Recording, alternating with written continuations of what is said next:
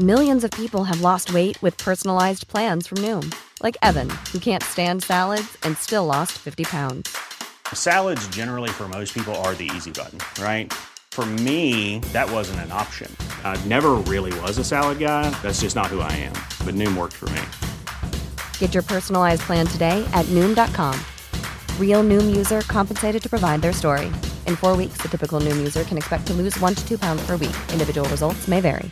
When you're ready to pop the question, the last thing you want to do is second guess the ring. At Bluenile.com, you can design a one of a kind ring with the ease and convenience of shopping online. Choose your diamond and setting. When you find the one, you'll get it delivered right to your door. Go to Bluenile.com and use promo code LISTEN to get $50 off your purchase of $500 or more. That's code LISTEN at Bluenile.com for $50 off your purchase. Bluenile.com code LISTEN. Han var for sterk. Det sto kvinner bak ham.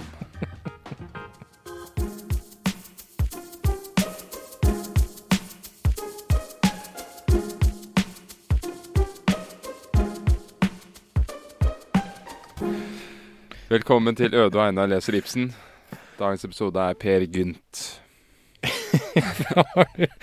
Får du litt æresfrykt i dag, eller? Ærefri? Ja, vi skal lese Per Gynt. Det er liksom en av norgeshistoriens eh, største litterære verker. Ja, øh, mener du det? Nei, altså, vi kan komme til det hvert øyeblikk. Ja, ok. Det er iallfall en av Ibsens mest kjente. Ja. Um, det rare som slo meg Hvorfor valgte du det sitatet, forresten? Jeg valgte det sitatet fordi det er et veldig underlig sitat. Og samtidig så henger det sammen med veldig mye av det vi har lest tidligere, med disse sterke kvinnene. Ja. Så det er et interessant motiv som går igjen. Og dette stykket må jo være interessant for deg, da, Einar, fordi dette stykket handler om problematikken ved eksistensen, det å være menneske. Og nærmere bestemt hovedkarakterens problem. Dette med å være seg selv. Ja. Så jeg tenkte jeg skulle, hvis jeg kan oppsummere sånn som faren din gjorde på det der Kongshemnerne, Ja. så vil jeg oppsummere Per Gynt som følger. Å ja, det er et stykket om han som ikke finner seg sjøl, det. Ja, nettopp. Det er det stykket handler om. Ja. Det er plottet. Det var denne Per Gynt, den tulleboken, som jeg nå, når jeg leste om igjen nå Jeg leste denne boka på videregående, og så leste jeg den om igjen nå. Mm. Og jeg må si Jeg kan ikke huske at han var så gal. Altså, han fremstår nå bare som, som mentalt forstyrra, spør du meg. Slik at jeg, Syns du det? Ja, nå fremstår han som en mentalpasient. Fordi jeg har en teori her, skjønner du. Mm. Fordi dette er et dramatisk dikt, akkurat som Brand. Det er vel skrevet Er det skrevet året etter Brand? Rett etter, ja. Mm. Um, fordi Brand var hans første store suksess. Mm. Han skrev den i Rom. Mm. Og så skrev han Per Gynt rett etterpå, også i Rom. I Italia et sted, ja. Mm. Han ville gjerne gjenta suksessen. Så begge to er beskrevet som dramatiske dikt. Mm. Og jeg opplever at de hører sammen. Helt enig. Det er en av mine teorier i dag. Og jeg har en annen teori. Ja. Fordi du kjenner deg veldig igjen i Brand. Mm. Jeg kjenner meg veldig igjen i Peer Gynt. Helt enig. Har, nå er vi inne på Vi kommer til å si det samme i dag. Jeg har en stor teori om det her. Ja, så, så jeg tror nesten Ibsen har skrevet en bok for hver av oss. Men uh, det er veldig Fordi veldig Brand er han som, som har bestemt seg Mm. Og holder seg til det. Og hver gang noe nytt farer hans vei, så sier han nei, jeg holder meg til det jeg lovet. Mm. Per Gynt er motsatt. Per Gynt tør ikke binde seg til noe. Mm. Jeg er helt enig. Er det ikke det? Jo, jeg er helt enig. Når jeg leste Per Gynt nå, så tenkte jeg bare dette er jo bare Brant nummer to. Dette er oppfølgeren. Og, og det Ibsen er veldig opptatt av, er jo det å eksempel være seg selv helt og fullt, ikke sant? Det er han opptatt av. Og hva er brand? Jo, Ibsen er opptatt av denne, dette spriket mellom vilje og evne, ikke sant? Som han har vært i alle stykkene sine. Og hva er brand? Han er denne jernsterke viljen som bare ofrer alt på alteret for det han vil, og oppnå det han vil. Og det står jo helt på slutten av Brand, så er jo et av sitatene Har ikke mannen liksom en kvantum eh, Altså, er det ikke en størrelse på viljen hans? Husker du han sier det på slutten av Brand? Ja. Finn det. Det er akkurat sitatet. Der står det at uh, Brand krymper seg under det styrtende skred og sier oppad Svar meg, Gud, i dødens slug. Gjelder ei et frelsens fnugg, manneviljens kvantum satis. Ikke sant? Så han sier, gjelder det ikke liksom en sånn styrke på viljen her? Altså, Brand er ytterpunktet av den som går all in for én ting, som du sa. Mm. Mens, og så vil han si OK, men det er jo en ekstremt Det er liksom som Abraham. Det er, det er på en måte et slags ideal i gåstegn som er veldig uoppnåelig. Og så lager han Per Gynt, som er denne som ikke klarer å forplikte seg på noen ting, og bare vinglepetter mellom alt. Ja, for vi har jo uttrykket vinglepetter, ikke sant? Vinglepetter. Og Ja, han bare Det han, kommer, fra, det kommer fra Peter fra Bibelen, som, som nettopp tviler. Ja. Fornekter Jesus tre ganger. Og så har du denne scenen med båten hvor Jesus går på vannet, og Ja. Peter forsøker det samme, detter. Så jeg tror det her er Du har helt rett. Jeg er helt enig med deg. Dette er bare en oppfølger hvor han sk- sk- beskriver den andre siden av saken, nemlig denne som er motsatsen til Brand. Som ikke finner seg sjøl. Mm. Brand fant seg sjøl. Den andre finner seg ikke sjøl. Begge tviler, og begge er inne på det motsatte, men det er liksom ytterpunktene, da. Og Per Gynt er på en måte ytterpunktet av Vinglepetter, mens Brand er det motsatte. Ytterpunktet av en ikke-Vinglepetter. Ja. Så jeg er helt enig. Jeg leste også det her som oppfølger. Du må, jeg tror ikke du kan forstå Per Gynt med mindre du forstår Brann omvendt. Ja. Det var kult, da. Første Jeg, jeg leste den også en gang før. Det er ikke like lenge siden som med deg. Jeg eh, Fordi det er bare noen få år siden. Og jeg opplever ikke at han er gal. Nei. Jeg opplever at han er veldig, veldig til stede, egentlig. Det jeg opplever i åpningen, er at han Han har jo en taleevne. Det deler han jo sammen med Brand. Og så opplever jeg at folk er litt begeistret for han. Mm. Damene liker han. Han har ikke noe vanskelig for, vanskelig for å få damer. Mm. Så han er en begavet, vakker fyr. Mm. Men han er rådsløs. Det er det du kjente igjen eller? Ja, det er den, det er den første delen. Det der med vakker og begavet. Ja. Nei, altså det er en annen interessant eh, link Det er en annen interessant link også mellom Brand og Per Gynt.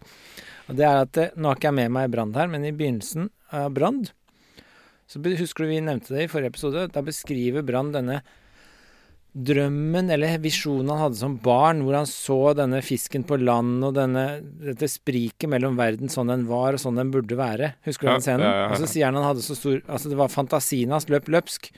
Og så lo han ukontrollert. Han klarte ikke å stoppe. Husker du den scenen? Fra Ja, Brand? så vidt. Ja. Det Mm. sier Brand. Det handler jo om fantasi, ikke sant? Og Brand har også ganske stor fantasi. Men hans fantasi låser seg på ett mål. Mens Per Gynt har jo veldig stor fantasi. Han dikter jo, og det begynner jo med 'Per, du lyver', ikke sant? Som eh, mora sier. Så det begynner jo med å indikere at dette er en, en fyr som dikter og finner på ting, og han, er, han har ikke helt tørs med virkeligheten. Mm. Eh, og det er på en måte det samme som med Brand, bare at Brand han evner å fortape seg i et prosjekt, og sånn sett finne seg selv. Mens Per Gynt gjør ikke det. Han går litt her, litt der, sprer seg litt overalt. Sånn er det motsatt av det det står i Brand. Vær deg Ja. selv, fullt og helt, ikke stykkevis og delt. Per Gynt er seg selv. Stykkevis og delt, ikke fullt og helt. Han, er, han er seg selv nok, som, eh, som, som han får høre fra trollene. Ja, men dette sitatet der, ikke sant, som går igjen så jævlig mange ganger i det stykket her, det å være seg selv nok, Ja. det brukes mange ganger. Det, akkurat det om å være seg selv nok, det er jo på en måte svaret på det spørsmålet i Brand. Fins det i Gud ikke et kvantum for viljen? Hvor mye du skal være deg selv? Det er jo det Brand lurer på. Han begynner å tenke 'faen, har jeg vært meg selv litt for mye'? Og så kommer Per. Gynt, og så er Per Gynt bare svaret eller ikke svaret, men Per Gynt er liksom 'vær deg selv nok'. Det sitatet er liksom 'du skal finne deg selv nok'. Per Gynt har ikke funnet seg selv nok. Antageligvis, kanskje. Mens Brandt fant seg selv for mye, kanskje. Så hvor er svaret? Ja, altså svaret er nok at disse menneskene, både Brand og Per Gynt, er um, Dette her er jo langt fra naturalistiske stykker. Ja. I, I siste akt så, så fikk jeg en følelse av at alle disse skikkelsene han traff, de var, de var Det var vanskelig å si hvem som var virkelig, og hvem som ikke var det. Ja, det er galskap. Det er, det er, det er åndelige verk, dette her. Eller, Så bare, eller bare galskap. Nei, det er ikke galskap. Det er ikke galskap. Det er eh, viktigere enn noe annet. Det er eh, menneskets gåte. Og jeg syns det er morsomt i tredje Nei, unnskyld, er det fjerde akt, når han er i Egypten, Mm. hvor han treffer sfinksen. Mm. Kjenner du til Sfinksens gåte? Fra Ødipus? Ja. Jeg har eh, Ja. Det er eh, Hva har to ben Nei, unnskyld, fire ben om morgenen, to ben om dagen og tre om aftenen. Mm. Det er Sfinksens gåte. det er menneske, er det ikke det? Det er mennesket. Og Baby, det, voksen og med stokk. Ja. og det er jo et tema her. Mm. Hva, dette her er jo mennesket. Menneskets uh, kvaler. Hvem har ikke det? Hvem går ikke rundt og lurer på hva skal jeg gjøre nå? Eh, handlet jeg med mitt fulle hjerte da? Mm. Var det rett valg? Jeg er enig i det. Um, men før vi begynner å evaluere stykket, for jeg har en del ting å si om akkurat det For jeg kan bare si det med en gang. Dette er litt oppskrytt, det stykket her. Vet du hva? Jeg syns eh, det, Jeg syns dette var Jeg ble skuffet. Jeg ble skuffet av Brand. Ja, ikke sant. Det var det jeg mistenkte. Det var, det, det var veldig gøy. Det var det jeg mistenkte. I går kveld når jeg leste ferdig, så satt jeg og tenkte Øde kommer til å digge det her, og så kommer jeg til å være Brann, og han kommer til å være Per Gynt. Ja, jeg tror det. Og det er det som skjer. Nei, jeg syns jo Per Gynt er en dust, liksom. Du syns jo Brann var en forferdelig karakter. Verste karakteren du hadde lest hittil, sa du. Forrige gang. Ja. Jeg, Jeg syns Per Gynt er en tulling. altså, jeg syns dette med å Flåsete karakteren. at Mest flåsete karakteren jeg har lest Ja, men jeg syns dette med å, dette med å ofre Ofre sine nære for idealer er noe av det mest tullete man kan gjøre. Men Per Gynt ofrer jo folk rundt seg for Nei, sine han, egoistiske han ofrer jo egentlig ingen. Jo, i den båten til slutt der. Men det er jo en fremmed. Han dumper Solveig for å følge sine, sine drifter som bare kicker inn plutselig. Sine fantasier. Nei, nei, altså det, det, var jo, det er jo opplagt et selvportrett da, fra, fra Ibsen sin side. Ibsen selv um, fikk jo denne bastarden Mm. og måtte rømme til slutt pga. gjeld. Og Per her rømmer jo ikke fra Sola, han rømmer jo fordi dette, denne trollkvinnen har kommet med denne, denne bastardungen, og så dør moren. Så han rømmer jo fra seg selv. Det er jo det han gjør. Ja, vi kan OK.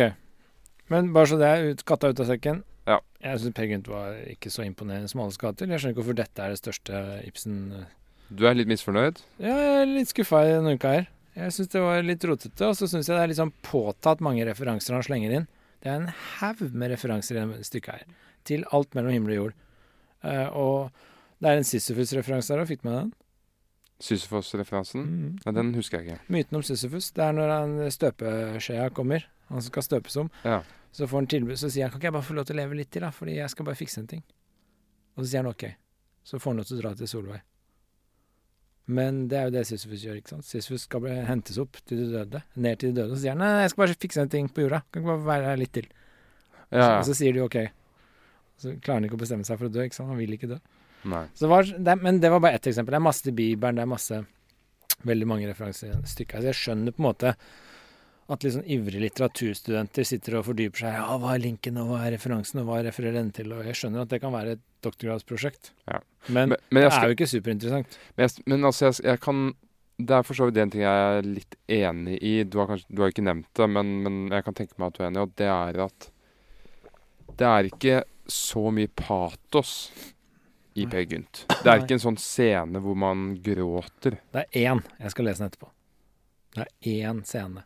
Jeg må moderere det jeg sa. Det er én scene her som jeg mener er noe av det vakreste i norsk litteratur noensinne. Ja vel? Men stykket er ikke veldig bra. Jeg er enig med deg, det er ikke sånne store, det ikke sånne store romantiske patos her, men som oftest. Og jeg syns det er veldig rotete. Jeg syns det er veldig mye sceneskifte midt i en scene og sånn. Ja, Plutselig det er det i ørkenen, plutselig er de der. Altså, det er helt umulig å Nei, henge det, med. det, det passer jo bedre Og så som film. Og så jævlig mange karakterer uten noe særlig sånn rotfeste. Som dukker opp her og der, og med rare navn og Jeg likte han der Begrifstadt, eller hva han het. Han derre tyske det er, Det er han som plasserte Per Gynt på et galehus. Det navnet må jo være tull, fordi altså, det er jo den tyske Begriff er jo begrep. Ja. Som kaller den Begrepsstadt. Det er liksom navnet på en sånn abstrakt fyr som ikke har noe Jeg tror det er en sånn tysk filosofi. Men ok. Men før vi går inn Jeg bare klager litt mer, fordi jeg syns det var rotete. Jeg, jeg syns ikke karakterene var veldig troverdige. Jeg syns det var rotete. Jeg syns det var litt karikert. Det ble på en måte en komedie uten at det var supermorsomt. Jeg syns det, det har gått litt fort i svinga. Det er akkurat som man bare har slengt inn alt mellom himmel og jord. Jeg vil bare ha det på trykk, eller i lyd, at jeg syns Per Gynt er oppskrytt. Da kan vi bekrefte at dette er tatt opp. Ok, Men det er faktisk et veldig vakkert stykke der jeg skal lese etterpå. Så jeg, men uh, syns du ikke var noe vakkert der? I Per Gynt? Ja. Jeg, jeg er jo mer begeistret for den Men du sa det ikke var noe særlig patos, ikke noe følelser Jo, jo, men det, men det skorter på de virkelig sterke scenene. Ja. Ja. Uh, hvis noe er vakkert der, så er det beskrivelser og Mm. teksten. Og ikke, ikke handlingsforløpet er Ja. kanskje ikke så gripende. Altså Til og med når dette skipet forliser i siste akt, Mm. så er det jo litt komedie med denne Det han holder seg fast til, og så blir det kriging om hvem som skal Mm. overleve og sånt. Men når det er sagt, så skjønner jeg jo at det på en måte Per Gynt kan fascinere litt fordi han er så rotete. Så det er jo litt sånn vår samtidsdilemma. Altså litt sånn tannløs, kald, kynisk, rotete kunst. Det liker folk, for det er liksom litt sånn harmløst. Du utfører deg ikke noe særlig. Du kan liksom bare legge hva du vil i det. Så det er litt sånn ufarlig. Ja, Litt sånn med abstrakt maleri. Det er sånn 'Å, så fint'. For du kan bare si 'Ja, ja, fint'. Og så kan du si 'Jeg liker det ikke', og så er det ikke noe mer å snakke om. Det er, ikke, det er helt ufarlig. Og litt sånn Per Gynt. Det er så mye å ta tak i. Det er så rotete, og så er det så vagt, og så er det så uklart hva slags karakter han egentlig er, og hva som skjer. At det, du kan liksom bare legge hva du vil i det. Og ja, fordi det er jo sånn sett er det veldig modernistisk stykke, egentlig. Det er når han møter sin Holdt jeg på, holdt jeg på å si denne knappestøperen, denne Ja. skjebnespilleren på slutten av stykket, at han blir konfrontert med det. At han har ikke levet til det fulle. Han Mm. har ikke vært veldig god eller veldig slem. Det hadde Mm. vært bedre å være veldig slem enn å være så gjennomsnittlig som han har vært. Mm. Så til og med denne Var det en prest på slutten der? Den magre. Den ble bare beskrevet som den magre. Ja, var det en prest? Eh, per trodde han var en prest, i alle fall. Men jeg vet ikke om det var det. Nei, ja. Men jeg skjønner også at Per Gynt kan være litt sånn aktuell i dag, fordi han er jo sånn vinglepetter. Det er jo, alle, det er jo det alle er i dag. Alle studentene kan litt om mye, men ikke Ja. mye om noen ting. Ja, det er for så vidt sant. Alle er litt sånn Per Gynt-aktig. Jeg syns også det er interessant dette med dette Peter-motivet. Også kirken. Fordi Ja. Peter, var den, Peter var den som tvilte mest. eh, Ja, for han kaller han jo Peter på et tidspunkt på slutten der. Ja. Han blir kalt Peter Gynt. Men, men det interessante er at kirken, den fysiske kirken, den kristne kirke, er blitt, ble påbegynt av Peter. Og den er altså bygget av den mannen som tvilte mest. Ja. Så du kan si at den kristne kirke er bygget på tvil. Det er ganske rart. Ja, altså jeg, ja, jeg hadde en lang diskusjon om det med Peter også, med Ole Martin, den bibelpodden vi lagde. Ja. Og jeg syns jo Peter var jo pingle. Ja, han har jo det. Peter var skikkelig pingle, og han bygde de hele kirka på. Ja. Jeg var kjempeskuffa, husker jeg, når jeg kom gjennom det. Men jeg har kommet meg over det nå. Men nå er jeg skuffa over Per Gynt. Jeg syns han er pingle. Han er ikke noe hold i. Han er ikke noe hel ved, akkurat, sånn som jeg liker. Ja, Overhodet ikke. Men, men, men vi Altså, han er kanskje ikke helt ved, men han er ærlig med oss. Det liker du. Ja. Mm. In, innrømme sin manglende ved. Ja, det er jeg mener iallfall at det er ting man kan lære av dette stykket. Ja, det er jeg enig i.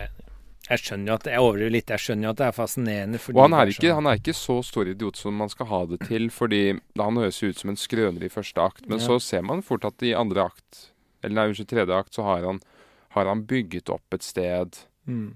tømret et hus, og så henger, så henger det Hva er det Rester fra en bukk ved Mm. inngangen der, som, som kanskje viser at han, han kan jakte på, på bukker. Ja, ja. Det er ikke bare en røverhistorie. Mm. Nei, jeg var litt imponert når jeg bygde hus. Ja. Han er jo tømrer av hus. Da fikk jeg litt sånn Ja, kanskje det er noe, kanskje er noe å hente her. Ja. Men så dro han til utlandet, og så bare Nei, der var det ikke noe å hente. Men uh, ja. Men uh, skal vi si noe om plottet, kanskje? Eller er det Vi har jo allerede Ja, vi- begynt. Du har jo fortalt uh, egentlig alt vi trenger å vite. Dette er en fyr som sliter med å finne seg, Ja. finne seg selv. Det er vel bare det det handler om. Så det er Men- ikke stort mer. Nei, men han kommer seg inn i noe troll i Jotunheimen og møter noen troll, og så er han i Treffer han en dame, så prøver han seg litt med det, og så er han i Afrika, i Egypt og litt sånn Afrikakysten er han litt en periode, og så kommer han tilbake til Norge. Ja, det er jo Det er litt sånn som denne Sfinksens gåte med dette spedbarnet på alle fire, mannen på to og oldingen på tre. Dette stykket beskriver jo først Per Ung som en ung yr mann. Han beskriver seg selv som yr når han skal forsvare du vet sine akkurat kalte han Per Ung? Gjorde jeg det? Ja. Det er er en Maler. Ja, Nei, han, det var skulptør. Um, Skulptør. eh, han var for så vidt også yr, men, eh, men eh, jeg mente Per Ja, som ung. Ja. Som, som yr ungdom med mm, ville historier og ja, Mm. mye, mye mot og masse damehistorier. Og så, og så flykter han omsider og drar ut til det store utland og gjør, gjør, gjør jo suksess som en voksen mann. Og så kommer tilbake som olding. Og Men gjør han suksess, eller blir han bare lagt inn? Nei, altså han Han er jo blitt rik i fjerde akt. Så sitter han på en yacht. Ja, jeg bare fikk feeling av at han var bare gæren, jeg. At, at det ikke var noe hold i det, liksom. At det var bare sånn derre fyr som drar til utlandet og all, sier han er rik. Litt sånn som Hvite gutter, den serien hvor han, alle er egentlig bare fattige, men så lever de som rik. Ja, Men uh, ja men noen har Ja. kjøpt den yachten, da. Ja, det, det er den som synker, er det ikke? Nei, de, de stikker av med den, disse Ja, Men synker den ikke etterpå? Den sprenger vel? Jo, det er sant. Ja. Ja, den sprenger, ja. Men uh, vi kan komme tilbake til det. Men det er liksom plottet, da. Jeg er enig med deg. Det er et fint bilde, egentlig. Jeg tenkte ikke på det. At det er liksom barn, voksen, gammel. Mm. Men det er jo en del sånn metoo-fortellinger her, da. Er? Bruderov, bruderov, blant annet. Han stikker jo av med ei dame. Mot hennes vilje. Ja, men så, men så, så trygler jo hun ham etterpå om å gifte seg med henne. Så så ille kan det ikke ha vært. Men det er noe sånn bruderov der på begynnelsen, og så driver han og Jeg syns det, Ja, det var et par steder han pressa litt hardt på damene uten at de ville. Jeg synes han var Nei, litt det sånn syns jeg ikke. Det Syns jeg du går for langt her. Dette her er jo bare unge mennesker som leker kjærlighet sammen.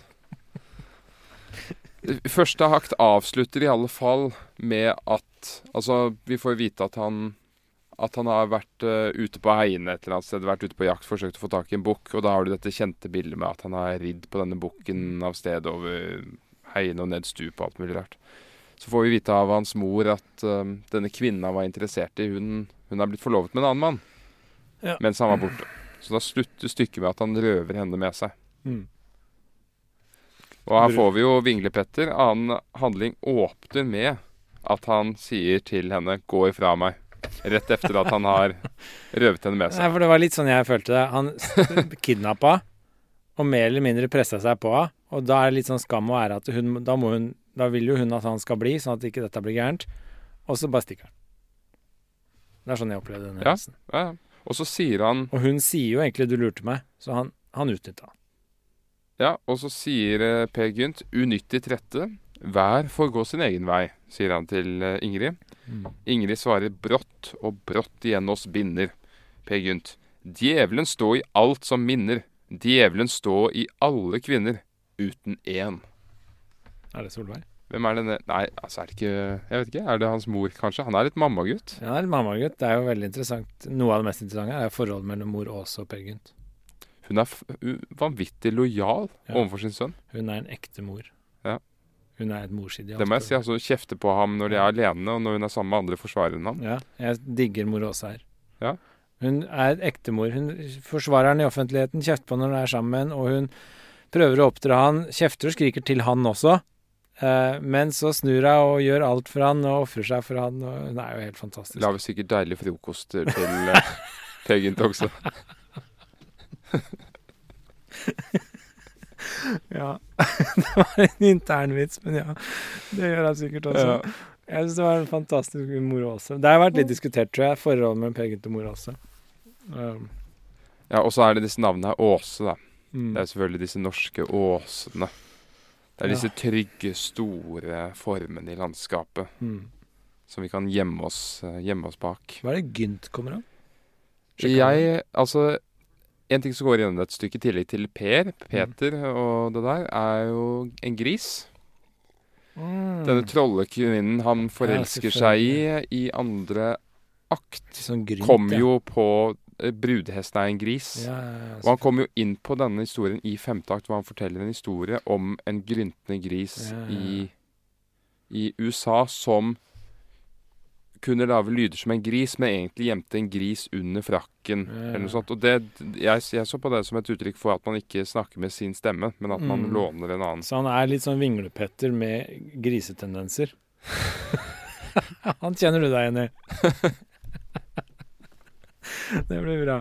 Det blir en bra samtale her. Nei, men altså Nå begynner, Nei, altså nå begynner øynene å åpne ok, seg. Ja, ja, begynner Nei, men altså OK, greit. Uh, ja, jeg kjenner det igjen. Eh, men jeg kjenner også igjen Han er veldig Til tross for disse ekstreme svakhetene, så er han veldig flink til å dekorere det og snakke om det. Mm. Og forfalske det litt. Han er veldig god forfalsker, da. Ja. Så til mitt forsvar eh, Det er en dyktig forfalsker jeg sammenligner meg med. Ja, ja. Men jeg syns jo eh, Apropos altså bare sånn litt sånn Vi burde kanskje si litt sånn hovedkarakterene. Altså det er jo Mor Aase, Per Gynt og Solveig som er hovedkarakterene. Ja. Det er jo de tre. Det er ingen andre som stikker seg ut som sånn veldig hovedkarakter, ikke sant? Um, ja, det er denne Bøygen, da. Jo, men det er mange sånne bikarakterer, men Nei, Bøygen er ikke en bikarakter. Bøygen er uh, stykkets store Ja, fortell, da. Bøygen kom, blir jo presentert første gang i andre akt, slutten av andre akt. Mm. Og det er jo denne Det er jo ikke en karakter. Det er et eller annet. Uh, og jeg oppfatter det som det store man må overkomme her i livet. Den store bøygen, og det er en selv. Hvis man, hvis man skal finne sin plass her i livet. Uh, og jeg syns den scenen er bare så fantastisk. Når han møter bøygen, Mm. Og det er altså belgmørket. Og Dette her er efter at uh, Per Gynt har forlovet seg med en trolljente, og hennes far, denne trollmannen i Dovregubbens hall, har forsøkt å få ham til å love alt mulig rart. Han har sagt ja, ja, ja til alt, men når, når han omsider skal stikke ut øynene på ham, så sier Per jeg tror jeg dropper dette. Ja, det ja, nei, det blir for meg. Men det er bare sånn før vi glemmer det. Altså, det er jo litt sånn, hele den greia, det er jo litt sånn fantasyaktig. Litt sånn Narnia-aktig. Du går inn i et skap, og så er det noe helt annet verden. Han går inn i fjellet, og så er det troll, og så møter han jo ånder, og det er mye rart. Så det er litt sånn fantasy over Peer Gynt. Ja, veldig. Det er jo eventyraktig. Ja, Okay, Men det merkelige er at han senere i, i fjerde akt er det vel beskriver dette troll Denne trollfamilien og denne jenten som en adelsslekt. Mm.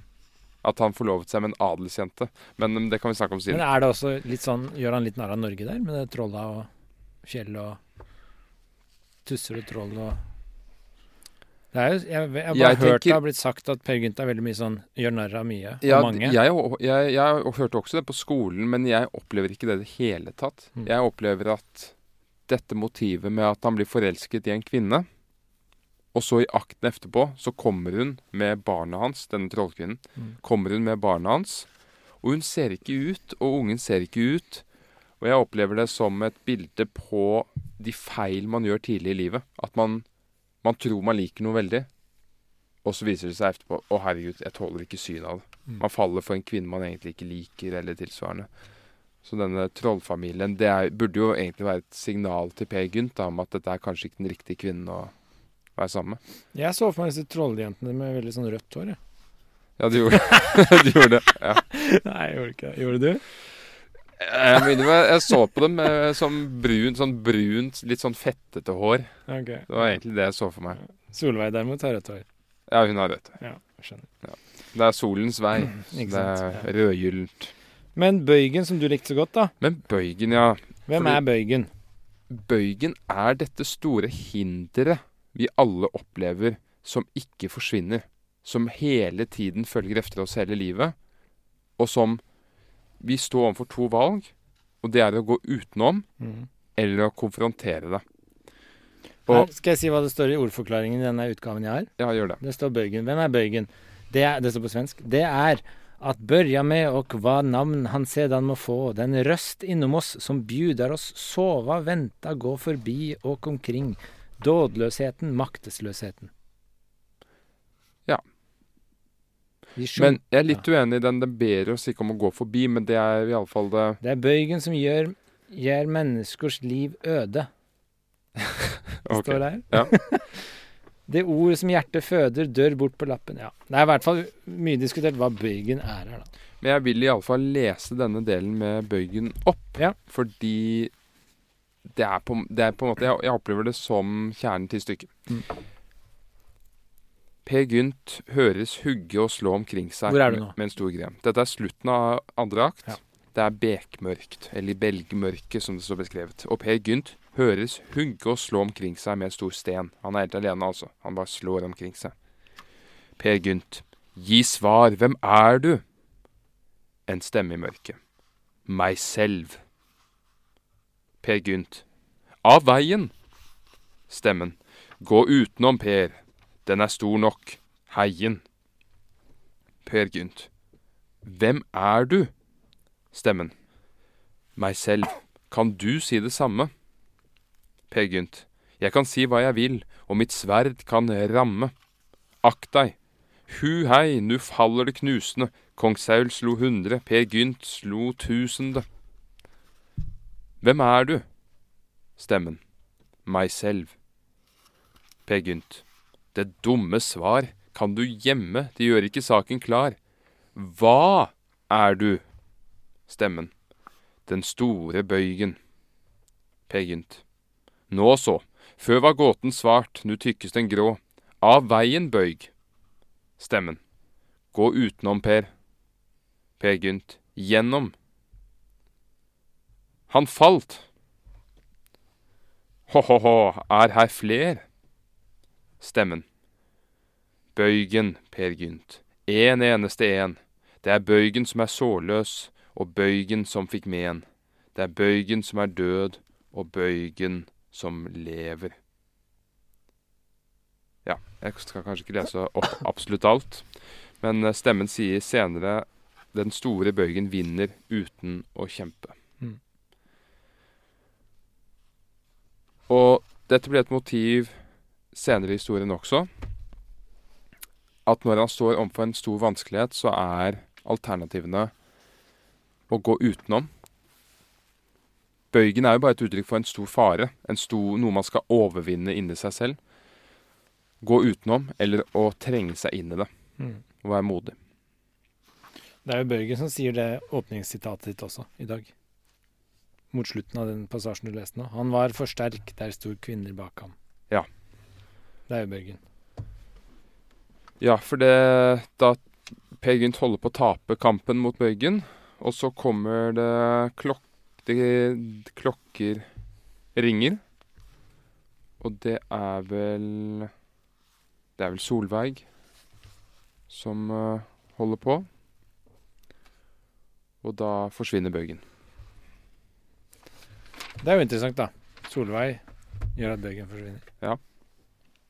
Det er jo Solveig det på en måte begynner med å slutte med. Dette, dette kjenner jo jeg veldig igjen, fordi eh, kvinners tilstedeværelse kan få meg til å slutte å tvile. Det er derfor dette er, det er jo hele Per Gyns greie. Ja. Altså, Han tviler jo aldri når mora eller Solveig er til stede. Det er de to Jo, men altså, dette må, det må jo være vitenskapelig bevist. Jeg husker i sommer så drev jeg og løftet noen sånne store, tunge granittstener sammen med min bror. Fordi min bror holdt på å legge en sånn platting av granitt for hestene på gården. Og vi holdt på med denne svære stenen. Og da husker jeg vi, vi greide ikke, vi var så slitne. Og så sa han denne jeg tror det var min svigerbror, se for dere at det, det står to jenter der. Og så ble vi enige om at vi skulle prøve det på alvor, og vi fikk stenen opp. Ja. Det var fantastisk. Det er jo Isak Selland Raa, det, som går og drar tømmerstokker over gården bare for å vise Inger.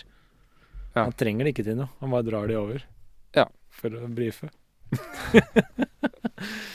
ja. Nei, men det er jo Det er i hvert fall sånn jeg opplever kjernen i stykket. Du opplever litt sånn som Bøygen, som du leste nå. Mm. Jeg opplever mye av kjernen i stykket er nettopp dette med at eh, Det er litt sånn som du leste åpningssitatet, faktisk. Altså Der hvor kvinnene er, der er kjærligheten og omsorgen. Og der slapper folk av. Der er de hjemme. Så jeg har vært inne på den teorien om at alt handler om å komme hjem. Alle store fortellinger handler om å finne tilbake til seg selv og komme hjem i metaforisk forstand. Og det gjør jo Per Gynt. Det handler bare om denne stakkaren som ikke finner seg sjøl. Og så handler det om, å komme, om å komme seg hjem igjen til slutt. Hele fortellingen er jo en slags odyssé her. Han, drar, han er, begynner i Norge, drar ut til store utland, lever livet sitt, kommer hjem igjen. Og så er det store spørsmålet til slutt om han fant seg sjøl eller ikke i Solveig. Det kan vi komme tilbake til når vi ser på avslutningen, men det er jo på en måte en fortelling om å finne seg sjøl. Ja. Og jeg, jeg oppfatter også at Solveig dette, Jeg oppfatter hele dette stykket som veldig sånn veldig et forsøk på å lage et mytisk verk, eh, alkymistisk nesten. Og Solveig, hun er denne, denne figuren som alltid blir Hun blir der. Mm. Han treffer henne. Han forlater henne. Han er borte i mange år. Han kommer ikke hjem igjen før han er gammel og grå og har masse skjegg. Og så er hun der fortsatt. Mm. Jeg vet ikke Det er akkurat som i Odysseen. Ja, men jeg tror ikke dette her er med Det virker jo litt for fantastisk Det virker som det er litt for fantastisk, men jeg, det, Hun er nesten en sånn Hun er nesten symbolet på det som alltid ligger inni deg og Mm. venter. Det tror jeg er kjærligheten. Dette er vel liksom bibel... sånn bibelrelevant. Altså Ibsen Her tenker han på Bibelen. Hans, dette, kvinnene er kjærligheten og omsorgen, og i Nytestamentet så er kjærligheten og omsorgen grunnkraften i alt. Det er til syvende og sist Gud. Så kvinneskikkelsene er det som gir det gudelige festet her. Og hvis du ser helt på Men, slutten men da er dette en veldig maskulin bok, da. Som handler om en maskulin tvil. Det er noe feminint som mangler. Ja, det er, det er en bok som handler om en mann som er helt sånn vinglete, og så forteller han oss egentlig at det å finne hjem handler om å finne tilbake til kvinnen. Mm. Så kvinnen er, er grunnlaget her, egentlig, for det trygge og sånn, men jeg tror ikke Altså, jeg tror det er litt sånn Det betyr ikke at man ikke skal liksom være den mannen som utforsker, holdt jeg på å si. Det hørtes veldig stereotypisk ut, men jeg tror bare at det er her et hint om at eh, man kan lete hvor mye du vil, hvor enn du vil i verden, men det, mest sannsynlig så finner du hjem igjen i den lokale, lille kjærligheten til den kvinnen. Ja. Og det er Vi kan ta det med en gang siden vi er på det, fordi helt på slutten av femte akt Hoppe så langt. Okay. Ja, bare ta det med en gang, så vi ikke hopper for mye. Så sier jo Per Gynt Nå er han kommet hjem igjen, ikke sant? Og så treffer han Solveig igjen og alt. Helt på slutten. Helt på slutten så sier han Hvor var jeg som meg selv, som den hele, den sanne? Hvor var jeg med Guds stempel på min panne? sier Peggen. Så sier Solveig I min tro, i mitt håp og i min kjærlighet. Dette er jo et, sitat, er jo et ordspill på Korinterbrev 13, ikke sant? Størst av dem, ikke sant? Og så står de der, de tre. Tro, håp og kjærlighet. Og størst av dem er kjærligheten. Det er Korinterbrevet. 13, er det ikke? Husker jeg feil? Nei, det er 13. Dette vet du bedre enn Det er meg. Korinterbrev 2, tror jeg. Korinterbrev 13. Og der står det eh, størst av dem er kjærligheten. Det er det kjente sitatet, ikke sant? Ja. Det er jo det Solveig sier her. Og han spør hvor var jeg som meg selv? Hvor var jeg meg selv? Og så sier Solveig i min tro, i mitt håp og i min kjærlighet. I kjærligheten. Ja. Så han var seg selv i Solveig. Det er det han ikke har skjønt før nå. Og Solveig har bare vært der som tryggheten selv. Ja. Og så sier Per Gynt, stusser tilbake. Hva sier du? Ti, det er gjøglende ord. Til gutten der inne er selv du mor. Og her var vi litt uenige, for du tolka at han hadde en sønn. Jeg tolka at det var lille gutten inni Per Gynt. Så det er litt uklart her, da. Ja, men fordi hun svarer ja. 'det er jeg', ja, men hvem er hans fader? Ja, Hvem er faren til den lille gutten i Per Gynt? Faren hans var en drukkenbolt som var borte. Han har ingen farsfigur. Det er han som for moderens bønn forlater. Et skjær av lys går over ham. Han skriker, min moder, min hustru, uskyldig kvinne, og gjem meg, gjem meg der inne. Han klynger seg fast og skjuler ansiktet i hennes skjød. I hennes skjød, faktisk. Lang stillhet. Solen rinner, og Solveig synger sakte. Sov, du dyreste gutten min. Det er jo han, den lille gutten i Per Gynt det er snakk om her. Jeg skal vugge deg, jeg skal våke. Gutten har sittet på sin moders fang, de to har leket hele livsdagen lang. Gutten har hvilet ved sin moders bryst hele livsdagen lang. Gud signe deg, min lyst. Gutten har ligget i mitt hjerte tett hele livsdagen lang, nu er han så trett. Sov, du dyreste gutten min. Jeg skal vugge deg, jeg skal våke. Og så sier Solveig til slutt, jeg skal vugge deg, jeg skal våke, sov og drøm, du gutten min. Så han kommer jo hjem igjen til Solveig, Mm. kvinnen, og hun blir da hans Hun blir liksom både hans eh, mor, hans hustru og uskyldige kvinne. Det er størst av dem alle er kjærligheten. Det er der han finner hjem igjen. Ja. Så jeg tror det bare er Hele boka er egentlig bare Per Gynt, vinglepetter rundt om i verden. Kommer hjem igjen, finner kjærligheten i en Ja. han, han var til å begynne med. Og så er spørsmålet, kunne han ikke bare gjort det med en gang, da, istedenfor å reise hele verden rundt? Men det tar ofte en lang omvei før du skjønner det. Ja, og så er det dette med at eh, det venter hele tiden. Ja, det stikker ikke av. det, det stikker ikke av. Nei, det er tryggheten sjøl, Det sant. er veldig interessant. Så jeg tror det er litt sånn eh, Det er min tolkning. Ja, jeg, jeg tror en av grunnene til at jeg er så fascinert av dette stykket, er fordi det er så filosofisk og så opptatt av mennesket som åndsvesen. Og det minner meg litt om Robert Bligh, som har skrevet en bok som heter 'Hjernen hans', om mannen. Nettopp om dette, dette, dette åndelige prosjektet 'Bli mann'. Som eh, jo eh, vi har en eh, tilsvarende for kvinner. Hvordan bli kvinne. Men Robert Bligh mener jo at det er, det er hakket vanskeligere for menn fordi kvinner blir i større Iallfall i dagens samfunn fordi, kvinner blir i større grad tvunget inn i en arketypisk rolle. I form av uh, menstruasjon, f.eks. Mm. Nå finnes det jo midler i dag som forhindrer slike ting, som, p-piller og sånn. Så de er kanskje i samme situasjon som menn i dag. Men så, så dette med å De må fortsatt føde, da. De må ikke det. Mhm. De Nei, de ikke. må ikke få barn, men de Ja, Nå ble du nesten tatt i en, i, i en grov uh, løgn. Uh, eller ikke bare løgn, men De må ikke, men hvis de skal få barn, så må de. Det er ingen andre som kan føde for dem. Foreløpig. Jo da, man kan ansette en inder Jo, men da er det fortsatt en kvinne. Ja, Det er sant. Du kan ikke gjøre det i en køsend foreløpig. Nei, man kan ikke. Men gud vet, plutselig skjer det jo. Men ja. Har vi vært gjennom plottet? Har folk liksom skjønt hva Vi har greia ikke er nå? vi har ikke vært helt gjennom plottet. Men det er, altså Plottet er jo bare Han reiser rundt i verden og prater med masse rare folk, og så er det masse slagord og prøver å finne seg sjøl. Men plottet er jo egentlig Ibsens eget liv. Dette her er kanskje det mest selvbiografiske vi har lest hittil. Fordi han får dette barnet med denne trollkvinnen, Mm. og han ser først at kvinnen er stygg når hun kommer med barn på armen. Kort efter dør hans mor, Mm. Og, og da til tross for at Solveig nettopp har kommet til ham, så forlater han landet.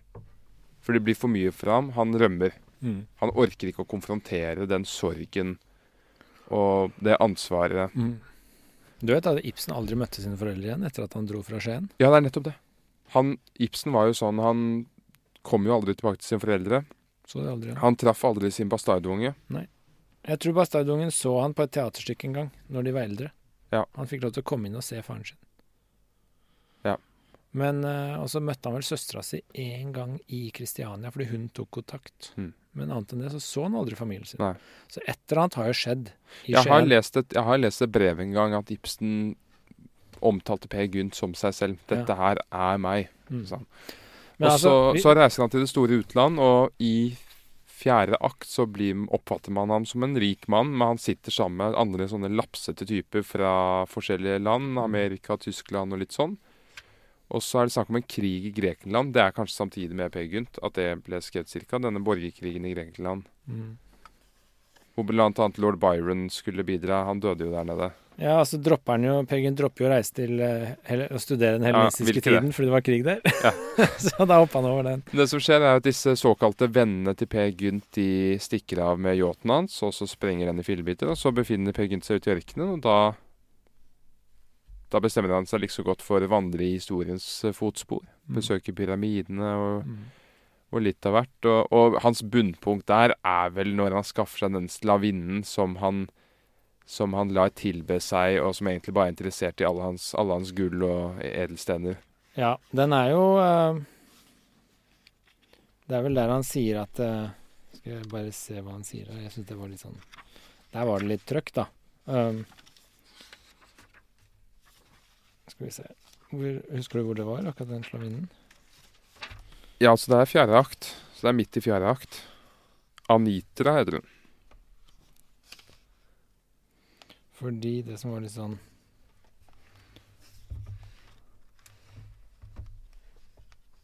Jeg syns ikke han var sånn kjempesnill. Her er det. Uh, her sier han Her kommer Per Gynt fram, sin personlighet frem, da. Som Ja. du kjenner deg godt igjen i. Her sier han når han skaffa seg denne slavinnen, da, Anitra Uh, Og så sier han eh, litt sånn visdomsord og mansplainer litt, og så sier han plutselig Jeg vil eie dine lengsler, voldsmakt i min elskovs stat. Du skal være min alene. Jeg vil være den der fengsler deg som gull og edelstene. Skilles vi, er livet omme. Ja, for din part, nota bene. Det er rart, jeg har ikke skrevet under den delen. Jeg har ikke notert den meg. Derfor er det bra i grunnen med de tomme pannehvelv, sier han til slavinnen. Har man sjel, så er man bunden i betraktning av seg selv. Ja, den skriver jeg ned. Så han, den syns det er bra at hun er dum, Ja, for da kan hun bare være hans. Altså, OK, men jeg, må, jeg føler jeg må forsvare meg selv her, siden jeg kjenner meg igjen, Per Gynt. Det er en forre Det er noe som Det er en forhistorie, holdt jeg på å si. Det, hun sier selv til ham at hun ikke eier sjel før dette skjer. Mm. Men det er den siste setningen der at At det er godt at du ikke har noe bak pannen, for da slipper du å binde deg til ting. Det er jo den som er veldig interessant der. Ja, det er på en måte riktig. Det er som katta mi, liksom. Du slipper å tenke noe mer over saken. Du bare løper rundt og gjør det en skal. Det er jo veldig befriende, selvfølgelig. Ja. Men uh, Ja. Nei, jeg syns han var ganske røff med hun Anitra, altså. Ja, men hun var verst. Og så sier hun ja, Fordi men hun Altså, der, der er han så langt nede, og han er på Han er på det punkt hvor han bare har lyst til å bli sett opp til. Ja, men, Og hun kaller ham for profet og stjeler edelstener fra fingrene hans. Og, til han Hun- så ribbet og naken til slutt. Hun sier ja, men er du profet? Jeg er din keiser, sier han. Altså Ja. litt før så sier hun eh, La være, jeg biter, du lille skalk. Hva vil du, sier hun. Vil leke due og falk, føre deg bort, gjøre gale streker. Skam deg, en gammel profet, sier Anitra. Og vås, profeten er ikke gammel, din gås. Syns du dette på alderdommen peker? Jeg vet ikke hva han viser deg der, jeg. Syns du dette på alderdommen peker? Uh, han viser deg et eller annet der som tydeligvis ikke viser noe alderdom. Og så sier Anitra 'Slipp, jeg vil hjem'. 'Nå er du kokett', sier Per Gynt. 'Tenk hjem til svigerfar, det var nett'. Vi gale fugle av buret fløye tør aldri mer komme ham for øye. Ja, men er det profet? Jeg er din keiser. Så han uh, Ja. Jo, men altså Dette går jo igjen. Han snakker allerede i første akt om at han har lyst til å bli keiser. Mm. Og snakker til disse karene sine i den yachten om at han har lyst til å bli keiser over hele verden og sånn. Og dette her er jo åndenes lengsel, er det ikke det, Einar? Man har lyst til å bli en keiser. Ja. Det er bare det at han kaster det bort på en simpel slavinne. ja men Når han kunne vunnet hele sitt eget rike. mm. Men eh, Brand òg, ikke sant, ville bli keiser på en måte. Han ville oppnå noe stort. Ja. Eh, men han gjør det av altruistiske hensyn. Han gjør det av Guds hensyn. Han gjør det av altruisme og Gud. Altså Han vil at bygda skal frelses. Han vil frelse folket i bygda for Guds kjærlighet, ikke sant? Ja. Så det er hans greie. Så han tenker ikke på seg selv. Han forgår jo og mister de han bryr seg mest om. Han ofrer dem. Så han er jo det motsatte av egoist. Brand. Per Gynt, han er jo en egoist. Han skal bli keiser fordi han vil være stor. Han vil eie Anitra, han. Ikke sant? Så han gjør jo bare det han vil. Så, så Per Gynt er jo en egoist. Han er ikke en altruist. Det er også hvorfor jeg tenker at Per Gynt må forstås i forhold til Brand. De er motsatser. Ja. Eh, Ja, Brand ofrer seg for en sak. Brand ofrer seg for en sak Per og Gynt ofrer seg, seg for seg selv. Ja, det er bare seg selv han er opptatt av. Og det ser du i den båtscenen mot slutten, når han lar folk drukne, for det er bare plass til én. Ikke sant? Han ofrer jo folk for sitt eget Han gir ikke fra seg noen penger på båten, husker du det? De er mine penger, og mine penger er bare mine, sier han. Meg og mitt. Så han er jo en Per Gynt er jo en pikk, liksom. Det er jo Nei, det Mens, mens Brann er bare en Han er bare litt gæren. Han er bare litt hard. Nei, men jeg tenker at Per Gynt går igjennom disse ulike krisene hvor man, hvor man velger disse ulike strategiene som er gale. Fordi på et tidspunkt så vil han bli begjæret og bli sett opp til med denne slavinnen. Eh, og så, ja, så senere så vil han bli egoist og vokte om sitt eget. Hvilke flere forsøk har han? Det er På et øyeblikk er, er han vel hedonist å betrakte. Ja, jeg syns han bare Ja. Nei, altså på en måte en Det er ikke lett. Nei, på en måte en fascinerende karakter, men ikke en karakter jeg på en måte tenker Oi, her er min nye helt. men det er jo noen ting Nå har vi vært, Overhodet ikke, selvfølgelig. Men nå har vi vært gjennom plottet. Nå er det, Nei, ikke helt. Altså, han kommer jo hjem igjen bare som for jenta. Han kommer hjem igjen som gammel mann, og det er jo når han kommer hjem igjen at han begynner å treffe disse jeg kan ikke kalle det for spøkelser, for Mm. forskjellige skikkelser som snakker om denne Per Gynt de kjente, og så hvordan han var en skrøner, og hvordan alt gikk. Og så er det denne knappestøperen som omsider kommer, Mm. som sier til Per Gynt at 'jeg er kommet for å støpe deg om'. Knappestøper, hva slags navn er det egentlig? Det er jo en som støper sånne messingknapper og sølvknapper og sånn. Det er sånne Så hva har det med støpeskjeen å gjøre? Men du støper det oppi støpeskjeen. Så knappestøperen bruker en støpeskje, Ja. og han skal nå omstøpe Per Omstøpe Gynt fordi han aldri fant seg selv. Det er det som er trikset, ikke sant? Ja, altså, jeg syns jo det er litt sånn merkelig Det var sånn Ja. jeg forsto det, i hvert fall, at han kommer for å støpe om Per Gynt, for han fant aldri seg selv. Han var ikke et vellykka prosjekt. Ja, for det, her skjer det. Det er sånn eh, La meg se, knappestøperen sier Ja, så eh, Du heter vel ikke Per? Dette er altså i femte akt. Så sier Per Gynt Per Gynt, som han sier. Det kaller jeg hell. Det er nettopp Per Gynt jeg skal hente i kveld. Per Gynt. Skal du det? Hva vil du? Knappestøperen. Her kan du se, jeg er knappestøper. Du skal i min skje. Per Gynt. Hva skal jeg i den? Knappstøperen. Du skal smeltes om. Per Gynt. Smeltes?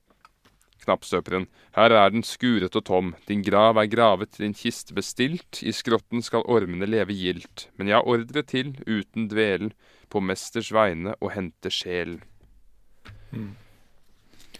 Dette er jo Sisyfus-metaforen jeg mente, da. Altså, dette er det fra gresk mytologi, og de kommer for å hente noen, og så blir det litt panikk på den som skal bli henta, ikke sant, for han vil jo ikke dø, og føler seg ikke ferdig, og livet er ikke Du har ikke gjort det du skulle, da.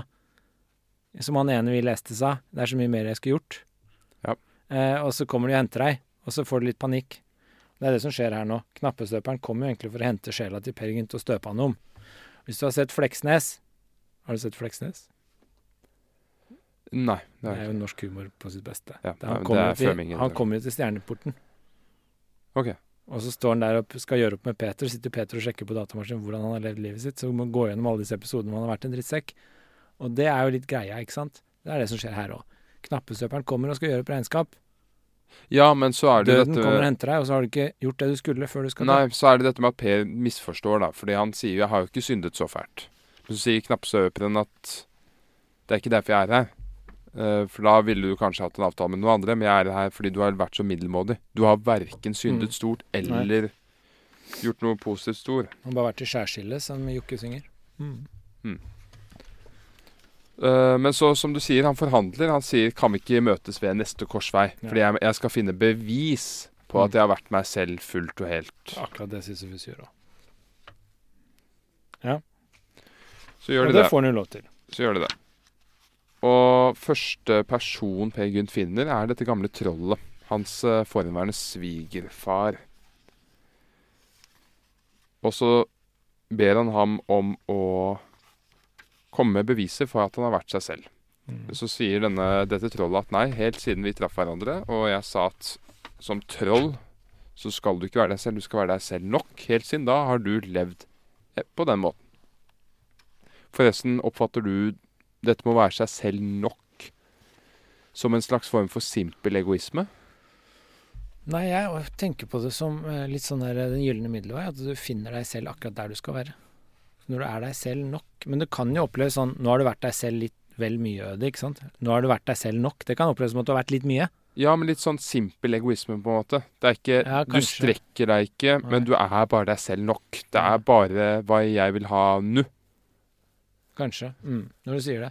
Ja, men jeg tenker det er en positiv tolkning av det òg. Bare å være seg selv nok handler om å liksom finne akkurat den dosen som Brann stiller på slutten av stykket. Det kvantum som er liksom viljens, mannens vilje. Hvor ligger det? Ja. Det er, da har du funnet deg. Da har du deg selv nok. Det er sånn jeg har tenkt det litt. Men det er en veldig positiv tolkning, kanskje. Det er litt vel positivt. Ja. Jeg, vil, jeg vil tenke at deg selv nok er nesten Det er bare egoet ditt. Det er ikke Ja. superego. Det er ikke, det er ikke, du strekker deg ikke noe. Du skal bare dekke behovene det du vil ha, du og Jeg får ofte ikke høre at jeg har vært meg selv nok. Jeg får høre bare at nå er det litt mye Einar. Ja, OK. Og det er vel kanskje noe av det samme, ikke sant? At du har vært deg selv. Men iallfall her er denne scenen med Dovregubben, hvor uh, Dovregubben sier Da du ronden forlot, så skrev du deg bak øret mitt valgspråksmerke. Hvilket? spør Per Gynt. Ordet det kløvende sterke. Ordet? spør Per Gynt. Dovregubben. som skiller menneskenes flokk og trollenes eh, Nei, som skiller menneskenes flokk og trollenes. Troll, vær deg selv nok. Per Gynt viker et skritt. Nok? Dovregubben, og av alle livsens krefter har du jo siden levet derefter. Jeg? Per Gynt? Dovregubben. Det er utakknemlig. Som troll har du levet, men støtt holdt det hemmelig. Ordet jeg lærte deg, har satt deg i stand til å svinge deg til værs som en holden mann, og så kommer du her og kaster på nakken av meg og av ordet du skylder hele takken. Per Gynt. Nok! Et bergtroll? En egoist? Dette her må være sludder, det er ganske visst.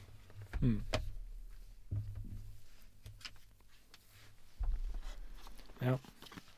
Det er jo litt sånn Charles Dickens-aktig over dette her, Mm. med at man man får høre disse rapportene fra andre mennesker på hvordan man selv har vært. Ja, det er jo sånn i julekvadet til Dickens. Så er det Scrooge som får møte gjenferd om natta av spøkelser og ånder som kommer og forteller ham hvordan han har vært, hvordan han er, og hvordan han kommer til å være. Ja. Og da går han inn i seg selv, ser hvordan han er, kommer frem til at shit, jeg er jo ikke meg selv.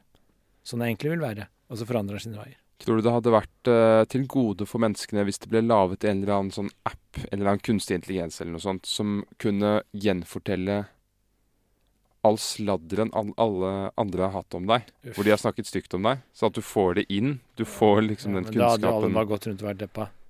Jeg så en sånn undersøkelse på at uh, i dine, blant dine ti nærmeste så er det Hva var det? Var det bare to eller noe som likte det? jeg husker ikke akkurat antall, men det var i hvert fall det må skuffende, en norsk undersøkelse. skuffende mange som ikke likte deg blant dine nærmeste. Ja. Og det var veldig vanlig, da. I Norge. Ja. Ja. Ja, det, nå ble jeg veldig usikker. Det er en veldig morsom undersøkelse, i hvert fall. Men jeg kan prøve å finne ut neste gang. Men den er veldig morsom. Men de aller fleste liker det ikke, da. Det er poenget. Og Ok. Ja, hva, syns du, skulle- hva syns du om det personlig? Nei, altså, det er jo helt grusomt hvis jeg skulle sitte og høre på hvorfor folk ikke liker meg. Jeg vil heller leve på den løgnen at folk liker meg. Ja. Jeg vil ikke hele tiden få det slengt i trynet.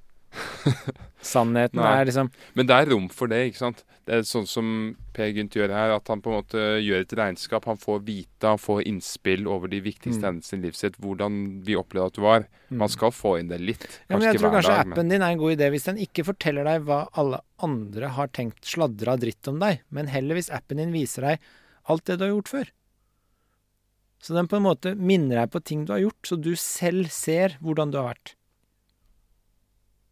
Da Ja. tror jeg den selverkjennelsen blir litt sånn som Dickens i julekvadet. Da får du en litt sånn Var det sånn jeg var? Og så ser du sånn Hm, det er ikke sånn Jo, jeg har lyst til det å være. jo men Det må jo være en, det må jo være en dommer. Den kan ikke bare vise deg Ja, men du er din egen dommer, vet du. Du ser det Ja, ganske det holder klart. ikke. Du må ha en veileder. Dante må jo ha Virgil når han skal ned i underverdenen. Noen må jo geleide. Ja, men jeg tror hvis den eh, appen har en passe god vinkling, så tror jeg du kunne fort sett Jeg tror du er overraskende enig med deg selv innerst inne hva du har gjort av rett og galt. Hvis du bare legger ned forsvarsmekanismer og mindreverdighetskomplekser og usikkerhet og sånn. Bare er helt ærlig, så er du overraskende enig med deg selv om hva det var som var bra og dårlig det du har gjort. Ja. Uh, og derfor så tror jeg det Hvis du får den appen og ingen andre ser, når den er koda med bank-ID, sånn at det er bare du som har tilgang til den, så kan du gå inn og se, så blir det en slags psykologtime i ny og ne. Okay. Men så på neste korsvei så dukker knappstøperen opp igjen. Mm. Og her syns jeg det er litt interessant, for her gir jo knappstøperen et, et forslag på en løsning Mm. på hva dette med å være seg selv er. Ja, den er jeg strekt under òg. Fordi Per Gynt spør et spørsmål blått. Hva er det å være seg selv i grunnen? Mm. Knappstøperen svarer et underlig spørsmål, især i munnen, på en mann der nylig Svar kort og godt, sier Per Gynta. Ja. han, det er jo, han lurer jo oppriktig på hvor, denne fyren som hele tiden snakker om at han er seg selv. Hvorfor lurer han på hva det betyr? Mm. Det er et godt spørsmål. Mm. Så svarer knappsøperen å være seg selv er seg selv og døde.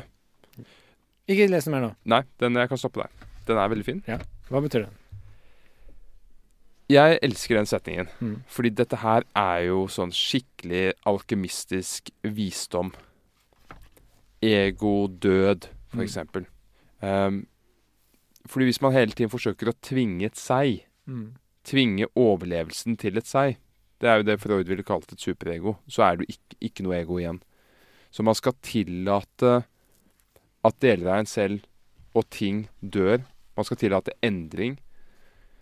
For da kan dette evige virkelige seier skinne gjennom. Det er slik jeg Ja. oppfatter den. Mm. At hvis man tviholder på at noe skal overleve hele tiden, så holder man fast ved noe Ja. som ikke er lenger. Live and let die, som Axel Rose sa. Som hvem sa? Axel Rose. Jeg vet ikke hva det er for noe. Fantastisk. Nei, men uh, jeg er enig med deg. Det er en måte å se det på. Altså la ting dø, ikke sant. Ikke tviholde på det. Uh, jeg leste den jo 'Å være seg selv er seg selv og døde'. Altså Jeg har lest den på to måter. Det ene er jo sånn Å være seg selv er å ta livet av seg sjøl. Bokstavelig talt. Bokstavelig talt. Det er en måte å lese på. Ja. Men en annen måte er jo litt mer hyggelig, da. er jo å være seg selv er å gjøre Altså det er, handler om å være seg selv fullt og helt. Ikke sant? Sånn at når du er deg selv, så oppheves på en måte selvet ditt, sånn litt sånn som du var inne på. Det er litt sånn som når du, sto, når, når du står og tegner, eksempel, Mm. eller maler. Så oppheves selvet ditt litt fordi du kommer i flytsonen. Ja. Og så bare blir du borte i fem timer. Og da har ikke du vært til stede, egentlig. Du har bare drevet på og vært i flytsonen. Og da er man seg selv veldig. Og det er litt sånn som katta mi, ikke sant. Den er antageligvis i flytsonen hele tida, den. Bare er seg selv til enhver tid. Det er jo det gapet når vi blir selvbevisst, som han sier et sted her. Som han sier til Anitra, ikke sant. Det er bra at du ikke har noe bak hjernepanna, fordi da begynner du å tvile på deg selv. Ja. Det er jo litt den greia. det er jo litt den. Ikke, og det gjør ikke du når du står i flytsonen og maler. Da har du ikke noe bak hjernebrasken. Ja, den, altså, den er så morsom, den der, fordi det han kommer med der, støttes jo av, eh, av ganske masse um, undersøkelser i dag. Blant annet at man har funnet ut at uh, folk som er innlagt på sinnssykehus, har høyere gjennomsnitts-IQ enn befolkningen for øvrig.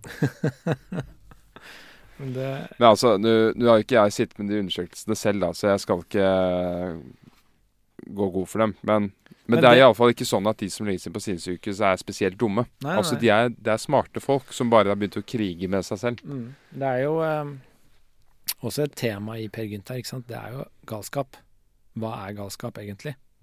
Det er jo et tema som går Ja, fordi i fjerde akt eh, så blir han jo tatt med til Han går Ja. rundt og studerer ting i Egypten, og så begynner han å snakke med sfinksen, men så viser det seg at det er ikke sfinksen som snakker, det er en fyr bak sfinksen, og denne fyren tar han med til et galehus fordi Per Gynt sier at han er keiser.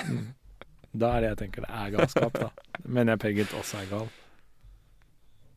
Jeg mener han blir lagt inn, da, men det er kanskje ikke det. Jo, men det er jo det. Han blir lagt Men poenget er at det er Jeg tror det som er liksom greia Han sier et tidspunkt her at den som var Den som var eh, normal i går, er nå blitt gal. Og den som var gal, er blitt den smarte, sier han på et tidspunkt.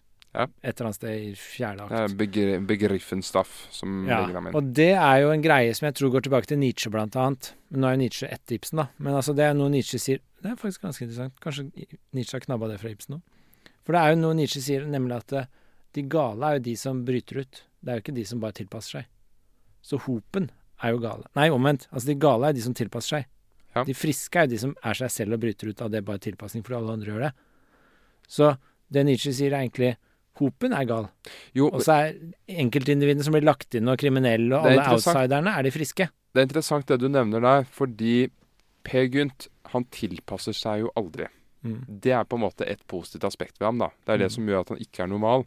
Men det er jo det som man ser på mot slutten her av dette stykket, at det er litt kritikken også. At du må tilpasse deg noe. Det er derfor denne støpeskjefyren kommer. Du har aldri klart å støpe deg selv til noe, så nå må vi tvinge deg. Ja. nå må vi støpe deg om til noe.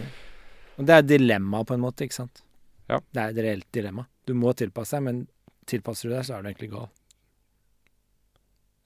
Og, og det, er, det, er, det er en kritikk av frihet. Ja. Man må Ren frihet er ikke mulig. Du må bestemme deg for noe. Ja. Og støpe deg om til noe. Livet er egentlig håpløst, ifølge den ideologien her. Det er jo sant. Men tilbake til å være seg selv er seg selv og døde. Så vi er enige om den tolkningen, da. Det handler om å liksom la seg selv dø litt. Uh, ikke tviholde på det. Det handler om å gjøre det sånn at du glemmer deg selv litt. Det handler om å gjøre det som Det handler på en måte om å gi opp seg selv. Altså Noe av problemet med Per Gynt er at han prøver Ja. å finne seg selv hele tiden. Så er det også dette her med Han burde med bare gi opp nettopp, kapitulere. Men det er også dette med at man skal dø fordi man skal inn i de nye stadiene.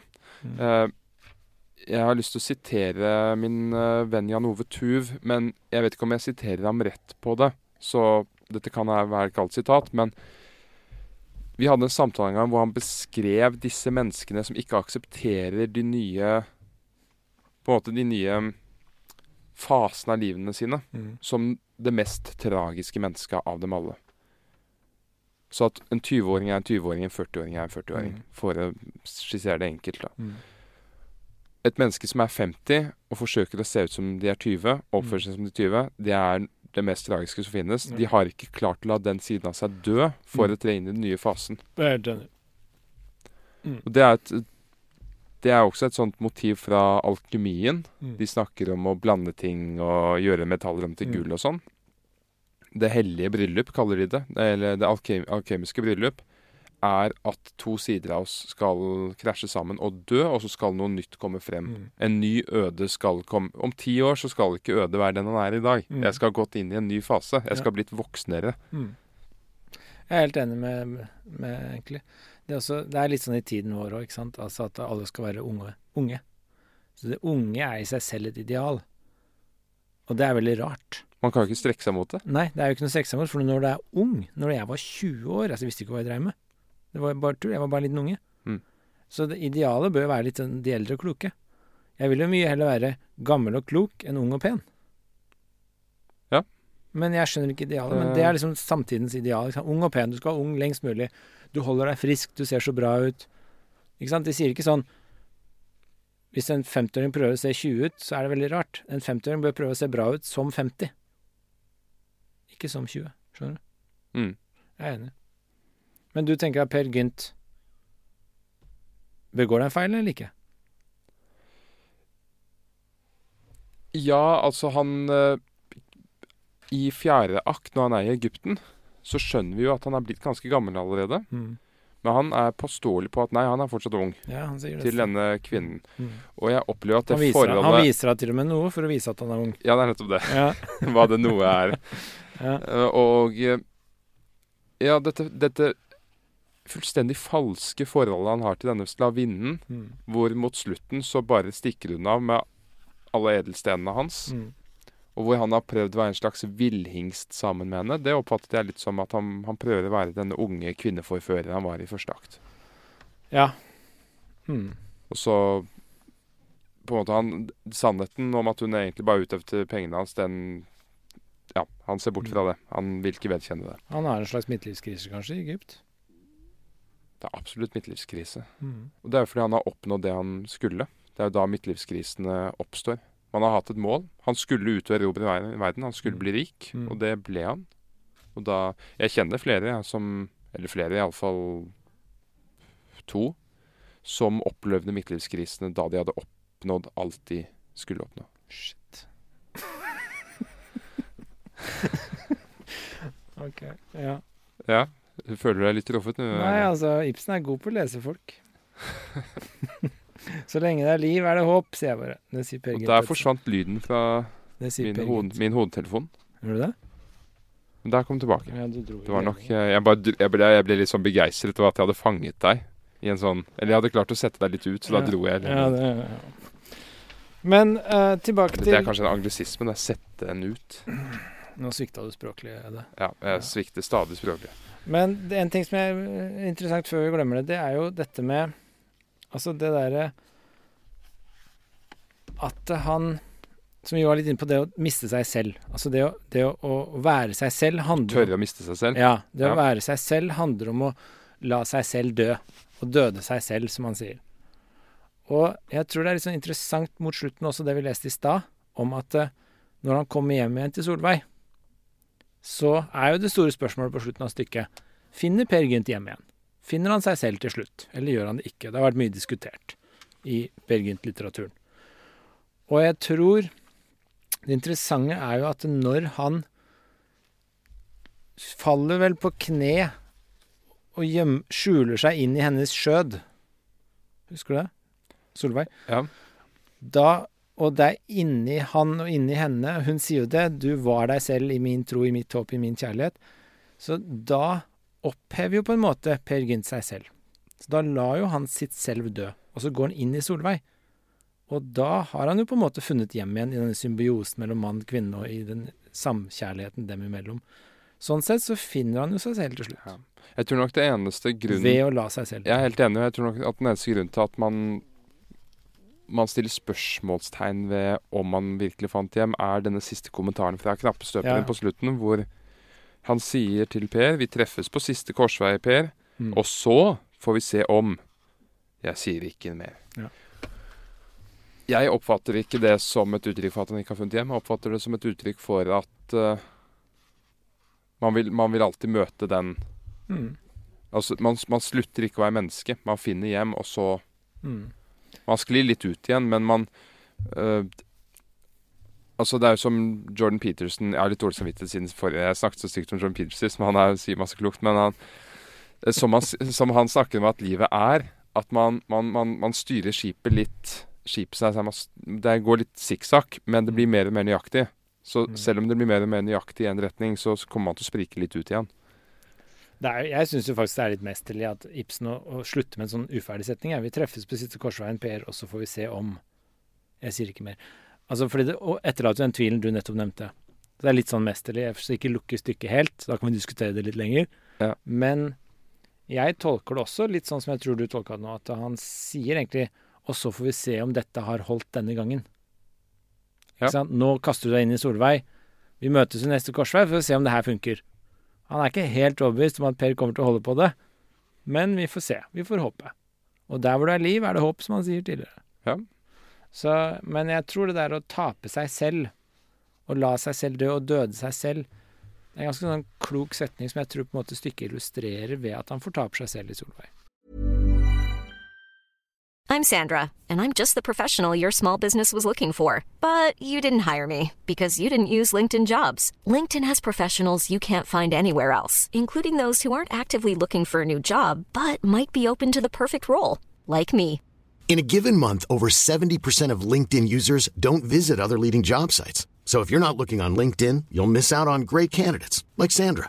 Start hiring professionals like a professional. Post your free job on linkedin.com/people today.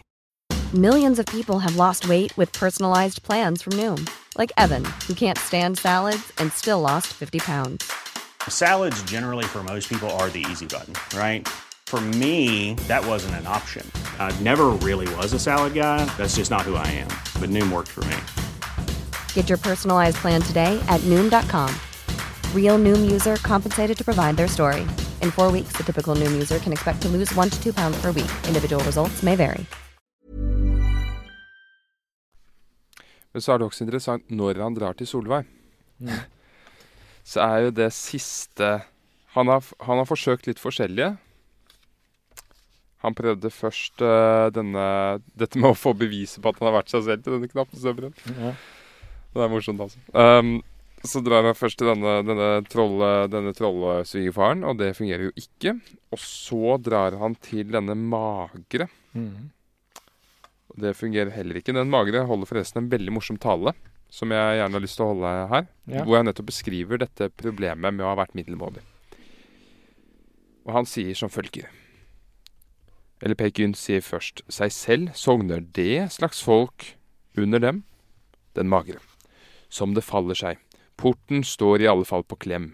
Husk på, man kan jo være på to slags vis. Seg selv være vrangen eller retten av kjolen. Den likte jeg veldig godt. Ja. De vet man har nylig funnet på i Paris å gjøre portretter ved hjelp av solen. Enten kan man direkte bilder give, eller også de såkalt negative. De siste får omvendt lys og skygge, og synes for alminnelige øyne stygge. Men likheten hviler dog også i dem, og det gjelder ikke annet enn å få dem frem. Har nu en sjel seg fotograferet i sin levneds først, fø- førsel ad negativ vei, så blir ikke platen derfor kasseret. Man skikker den ganske simpelt til meg. Jeg tar den da for meg til fortsatt behandling, og ved passende midler skjer en forvandling. Jeg damper, jeg dypper, jeg brenner, jeg renser, med svovl og med lignende ingredienser. Til bildet kommer som platen skulle give, nemlig det der kalles det positive. Men har man som de visket halvt seg ut, så nytter verken svovl eller kald liten lut. Veldig fint. Ja. Er ikke det den der teknikken som heter sånn gerra de gerra Hva heter den teknikken? Det han siterer, det er bildemakinga. Jeg vet ikke, det er, det er jo bildefremkalling. Ja, men det er en egen metode på 1800-tallet hvor de begynte å bruke sola for å få det til å bli korrekt før fotografiet. Men fotografiet er jo solen. Det er jo lave Nei, altså det, bilder ved hjelp av sollys. Dette her er jo Altså, dette er jo før fotografiet kicka inn, ikke sant? Nei, fotografiet er jo skapt på denne tiden. Når snakker vi? Det var 40-tall, 1840. Det første fotoet var på tampen av 1830-tallet, tror jeg. Fordi jeg er ganske sikker på at det han siterer der, er ikke fotografi. Jeg tror det er sånn derre uh, OK, Jeg tror det, altså. ok, greit. Da får jeg stole på deg på det. Ja, akkurat fotografiets historie kan jeg Men hva heter den teknikken hvor man Altså, du tegnet sånn, og sånn lagde- heliografi? lagde bilder etter solkasting og skyggekasting? Å, sånn, ja. Og, ja. Du tenker ikke på kamera obscura? Nei, Eller- jeg, jeg skal sjekke det neste gang, så Ja, jeg bruker tid på det. Men ja. Nei, Men, det er men fint bildet er iallfall veldig klart der, da. Mm. At Ja. De har visket deg halvt ut, og da er det helt umulig. Ja, jeg liker spesielt den husk på man kan være på to slags vis seg selv. Være vrangen eller retten av kjolen. Ja. Altså vi er, mennesker er duale. Dua, vi har en dualitet. Altså vi kan være oss selv ved å være drittsekken i oss, eller være den snille i oss. Vi kan være liksom oss selv alltid på to motsatser. Og det syns jeg er interessant. Ja. Det er ikke bare én måte å være seg selv på. Og det tror jeg er viktig. Men er du enig Altså, dette er et motiv i boken, men er du enig i det? At det er bedre å være en litt stygg og slem Einar enn å være en gjennomsnittlig Einar? Nå stiller du, nå stiller du meg til veggs her. er det et spørsmål om hva jeg syns, eller hva jeg burde syns? Det er hva du syns. Jeg vil heller være litt sånn drittsekk-Einar som gjør noe bra, enn den derre snille, middelmådige Einar som ikke gjør noen ting. Ja, så du er enig her? Ja, men hvis den drittsekk-Einar gjør noe dårlig, så er jeg ikke enig. Nei, det må være, det må være Hvis jeg, er, efter, efter visse standarder. ja, hvis jeg skaper noe tøft og kult og vakkert som drittsekk, så vil jeg heller det enn ikke skape noen ting og være middelmådig. Ja. Men hvis jeg skaper tredje verdenskrig som drittsekk, så vil jeg ikke det. Da vil jeg heller Altså, være det finnes en grense. Da vil jeg heller være middelmådig. Mm. Mm. Jeg har en litt annen analyse som jeg tenkte på. Vi kan se på noen sitater etter hvert, men før vi gjør det Fordi jeg klarer ikke helt å gi slipp på denne sammenligningen med Brand og Per Gynt. Fordi Har du lest en bok som heter Åh, skulle jeg tatt med tittelen, da. Men det er en britisk journalist, journalist som skrev en bok for noen år siden om de han kalte 'somewheres' og 'anywheres'. Han hadde en analyse av samtiden vår og kulturkrigen og sånn ut ifra Altså hva som har, hva som har skjedd de siste åra. Ut ifra at det, det fins to typer me mennesker. Det er de som på den ene siden er tilknyttet et sted og har fått tildelt sin rolle og identitet på det stedet, og akseptert det, og blitt der. Gammeldags. Og så er det en annen type som har Og de bor ofte på landet, den første typen. Og så er det en annen type som ofte bor i byen, som har opparbeida seg en identitet. Og ikke er tilknyttet et sted, men en rolle. Og de har ofte høyere utdanning og bor i byen. De kalles anywheres, og de første kalles somewheres. Mm. Og da har du f.eks. Bygde-Norge, hvor du vokser opp og har en rolle og tar over gården din, og du, liksom, og du er happy med det, ikke sant? Og da har du en rolle der som er blitt tildelt deg. Og så har du denne nyutdanna Rasmus Montanus i byen, som har opparbeida seg en identitet, Ja. eh, og ikke fått tildelt, og dermed tar stolthet og sin ære i det, den rollen, og kan bo hvor som helst og jobbe hvor som helst. Mm. Det er ofte i byen. Og så er teorien hans om at de anywheres, det er de som har fått all makta. I dag, ja. Ja. Mm. Og de har bestemt alt, og de er liberale, ikke sant? Mens de der Somers er mer konservative. Mm. Eh, og så forklarer han på en måte kløfta her. Og jeg tror det var sånn Det var gjort empirisk undersøkelse på det, og det var sånn ca. 70% de to gruppene utgjorde til sammen av befolkningen. Og så var det 30% som lå i gråsona og var litt, sånn, litt av hvert og sånn. Eh, Ja. Men det var sånn 35-35, tror jeg, på hver side. Og uh, det er ganske interessant analyse, syns jeg, da. Uh, hvor Ja. han mener at den majoriteten av befolkningen Sorry, nå sa jeg kanskje feil prosentvis. For jeg tror Somers er en majoritet. Fortsatt. Glem det. Poenget er bare at det skiller de to gruppene, da. Og det er ganske sånn Hvem er du av de to? Ja. Og jeg er jo Som personlig er jeg født og oppvekst som en somewhere, men ble en anywhere. På mange måter. Så jeg tilhører den 30% som ikke passer inn noe sted. Mens, Ja, sånn, ja. mens noen er jo født som anywheres, andre er født som somewheres. Noen blir det ene og blir det andre. Noen bytter ikke gruppe. ikke sant? ja. Så det er ganske komplekse greier. Men Vi kan iallfall være enige om at for 200 år siden så var 99,9 Ja. av nordmenn somewhere. Altså de ble født med en rolle. Nettopp. De vokste opp. Altså folk hadde jo Familienavnene var jo et Mm. sted de kom fra, for søren. I dag betyr jo ikke familien om noen ting. Hvis en fyr heter Tanum, så kommer han jo ikke fra Tanum. Nei. Så en økning av anywheres. ja. Og det påvirker kulturen vår. Det blir mindre fokus på det holdbare. Det blir Mm. mer flytende og mer sånn Altså, min, skjønner bror, min bror ble jo veldig sjokkert. Min bror har hjemfortalt det flere ganger da han hørte på skolen Mm. av en lærer at i fremtiden så vil alle som sitter her, uh, på gjennomsnitt bytte jobb hvert fjerde år eller noe sånt. Mm.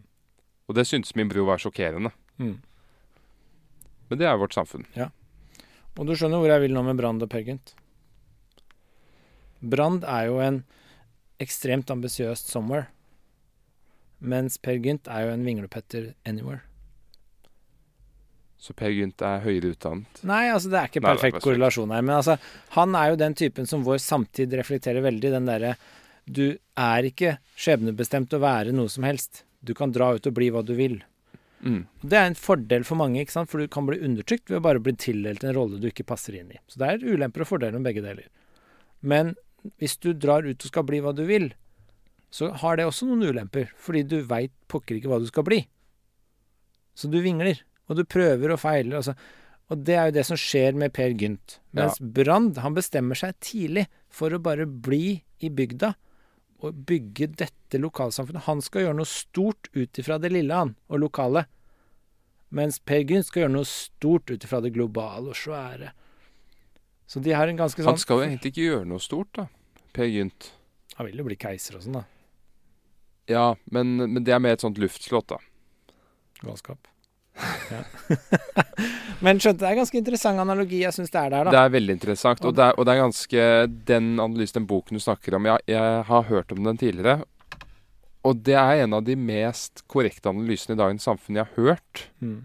Og det er en sånn Det er en blindsone for det moderne mennesket. Fordi det, det, er veldig mange moderne, det er veldig mange verdier som man tar for gitt i, i forskjellige samtider. I vår tid Demokratiet er jo sånn Mm. for eksempel at man, man tar for gitt at den styreformen er god, og man følger ikke nødvendigvis med på at man ivaretar de gode sidene ved demokratiet. Mm. Men vi bør ikke snakke mer om det. Men dette med dette, dette søkende mennesket, dette med denne totale friheten, man kan bli hva man vil og sånn. Mm. Du snakket om fordeler ved det. Jeg ville sagt at det er bare potensielle fordeler ved det. Det er ingen faktiske fordeler. Mm. Det er noen, Det er faktisk, man Altså- kunne faktisk sagt at summer er fordeler. Det er sånn, Da blir du gitt en plass. Du har disse mulighetene. Det er veldig konkret, og du blir geleidet. Hvis du har alle muligheter åpne, så, er, så har du bare potensialet. Og hos veldig mange mennesker går det veldig ille. Ja, men altså, det er fordeler og ulemper. Altså, tenk deg hvis jeg, jeg vokste opp i Vormsen og ble tildelt en eller annen rolle der og aldri skulle flytte ut, aldri få lov til å gjøre noe. Det hadde jo ikke gått veldig bra. Hadde det ikke? Det, altså, det hadde jo Nei, det hadde ikke gått veldig bra. altså, det er jo Og dette Altså, tenk deg eksempel en, en veldig ambisiøs uh, kvinne som bare blir tildelt en morsrolle. Det går jo ikke bra, ikke sant? Altså, jeg tror statistisk sett at det kan gå bra for mange. Men det fins de enkeltunntakene, ikke sant, som ikke passer inn. Da går det ikke bra for de. Men finner ikke de alltid en vei Nei, kanskje. til å Men altså, bryte ut? Kanskje, men jeg tror det må være Jeg liker mer den der at vi kanskje ikke skal undervurdere viktigheten av de somewheres. Og det å få tildelt noe For det er to typer frihet jeg tror jeg var inne på tidligere. Det er den derre hvor du kan velge mellom A, B, C, D, E, som er masse frihet. Og den er fin, men den skaper denne Per Gynt-skikkelsen. Men så har du den negative friheten.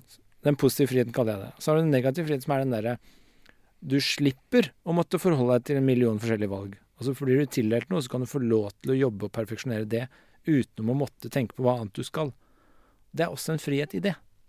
Å finne, finne evigheten i et lite stykke treemne Ja. når du skal skulpturere Ja. profil eller noe sånt. Det er det en veldig stor frihet i. Og det å få lov til å bare dyrke gården din eller det lille du er født og oppvokst med, eller taver odelsretten med, få odelsretten på gården og taver. Det er en frihet i det. Men det kan også virke undertrykkende for mange. Men det er en frihet i det. Og jeg tror ikke vi skal tenke at den ene friheten er utelukker den andre. Men dette må jo være litt relevant for deg, fordi du holder jo på å forsøke å bli en sommer. du er veldig på psykologien min i dag. Det er Ja, jeg, jeg, prøver, jeg prøver å snu det litt. Fordi jeg, du har vært litt på meg tidligere. Så.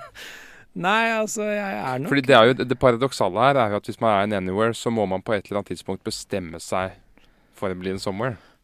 Det er jo det som har skjedd. Jeg har vært en anywhere lenge og trives godt med det, men eh, det blir rotløst for meg. Det blir eh, uten grunn. Så jeg vil tilbake til litt sånn sommer. Ja. Mm. For du har flyttet fra byen du, ut på landet. Ja. Så jeg er i ferd med å bli en brand. Ja. Hva med deg? Er du i ferd med å bli Per Gynt, eller er du, er, har du vært det lenge, eller? Jeg håper ikke det. Uh, nei, jeg eh, Nei, jeg, jeg, har vært pagent lenge. Uh, veldig lenge. Jeg håper, jeg håper jeg holder på å finne min Solveig. Men uh, ja, det er sant. Det håper vi alle. Solveig er jo fantastisk. Ja. Jeg ser Solveig som veldig vakker. Ufattelig vakker. Ja. Jeg mener med måten Måter det rødlige skjæret Ja. Hvordan liksom, når solen treffer håret. Ja. men hun er sånn symbolet på den guddommelige kjærligheten og trofastheten og tryggheten og omsorgen og Det er veldig symbolikk i det når han bare kneler foran henne og bare ja, for det er nettopp det. For helt til slutt, da, på denne såkalte siste Det han Mm. tror er siste korsvei, så Når han ikke har noen annen mulighet lenger For det er jo nettopp det med dette anywhere. Du Ja. har så mange muligheter. Ja. Og så Du må bli konfrontert. Skikkelig. Ja. Du må havne skikkelig knipe. Før, og så skjønner du selvfølgelig hva Mm. du må gjøre. Og uh, Han blir jo en se. somewhere. Idet han kneler for Solveig, så blir han jo en somewhere. Det er sånn jeg tolka det, hvis jeg ikke sa det i stad. Ja. Ja, og så det skjer jo her. Jeg har bare lyst til å lese akkurat når han på en måte virkelig går inn i seg selv og skjønner hva han må gjøre. Knappstøperen til tredje korsveien, Per. Men så Siste trussel. Per Gynt sier Atter og fram, det er like langt. Ut og inn, det er like trangt. Nei, som en vill uendelig klage er det å gå inn, gå hjem og tilbake. Utenom, sa bøygen. Nei, denne gang, tvers igjennom, var veien aldri så trang.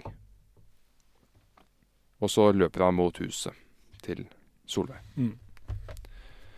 Så skjønner han Skjønner han hvor Mm. Altså, han skjønner hvor, hvor angsten ligger. Det er kanskje det. Så går han inn i det. Men jeg mistenker jo at det som blir sagt helt til slutten, er sant. Altså, vi møtes ved neste korsvei, og da får vi se om Jeg mistenker at Per ikke klarer å holde på det. Tror du det? Nei, han, han holder på dette. Tror du det?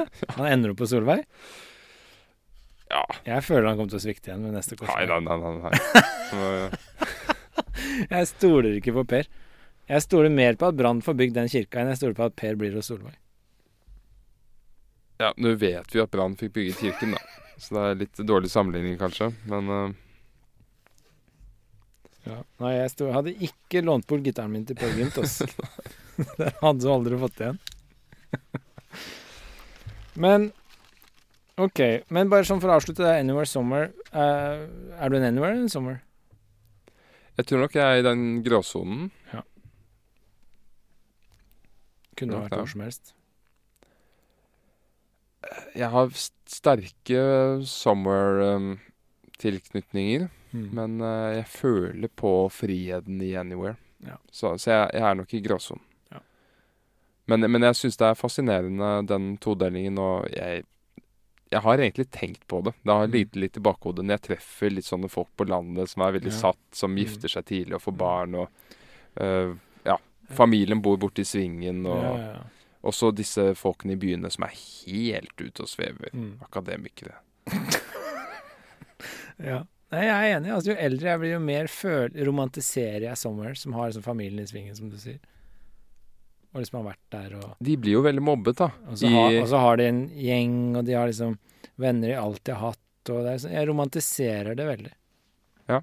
For jeg har aldri vært der Men sjøl. det blir sett ned på veldig mye i det offentlige ordskiftet, særlig i USA, så er det jo Ja. kanskje et av de mest brukte skjellsordene er redneck. Ja.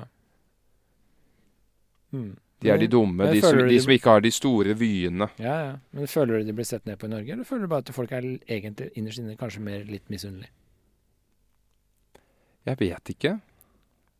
Jeg føler de blir sett litt på nedpå i Norge. Av eliten i byen, da. Ja.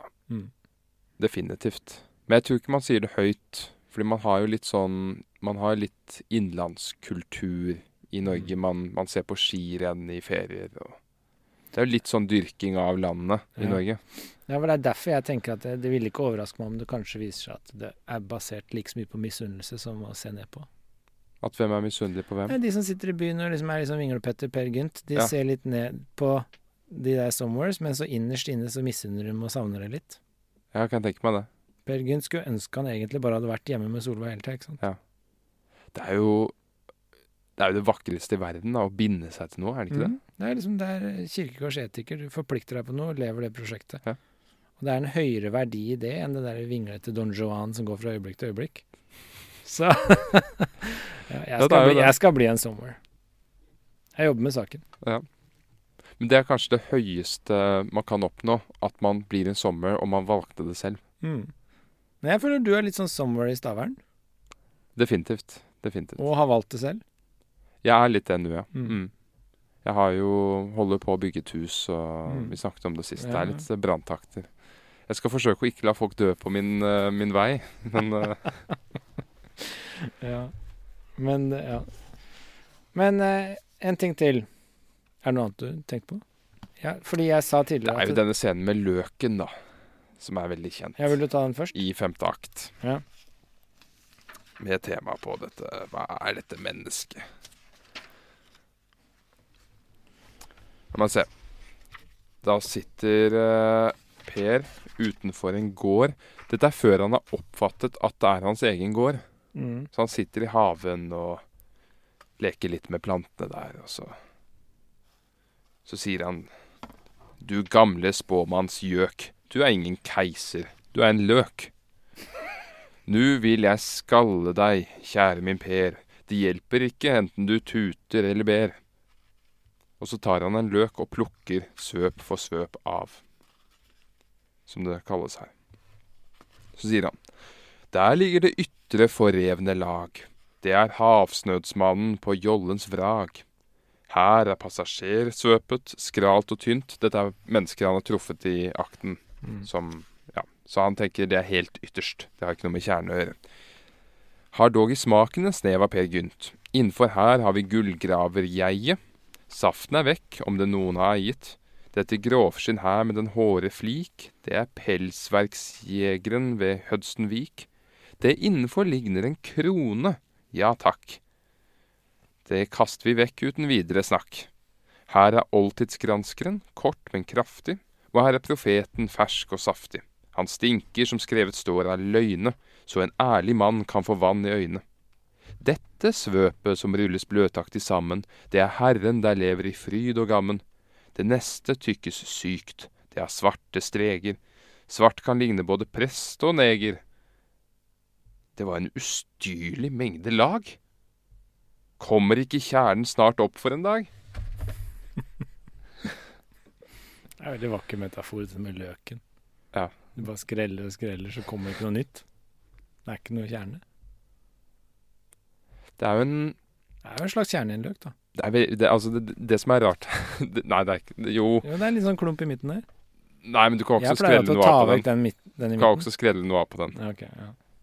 Men det er litt rart med alle disse bibelreferansene, så er det nesten en bibelkritikk i dette. For denne platonistiske skolen som også påvirket kristendommen, var jo dette med at du leter efter den ene sannheten. Det Mm. ene som ligger bak alt. Logos. Mm. Eller begynnelsen av Johannes evangeliet, ikke sant? Begynnelsen var ord. I begynnelsen var ordet. Ordet var Gud. Mm. Det ene. Og så kommer Ibsen her og sier det er ikke noe kjerne. Mm. Hvordan skal vi forholde oss til dette? Ja. Det er jo liksom Per Gyns dilemma. Det er ikke noe kjerne. Det er ikke noe å hente der.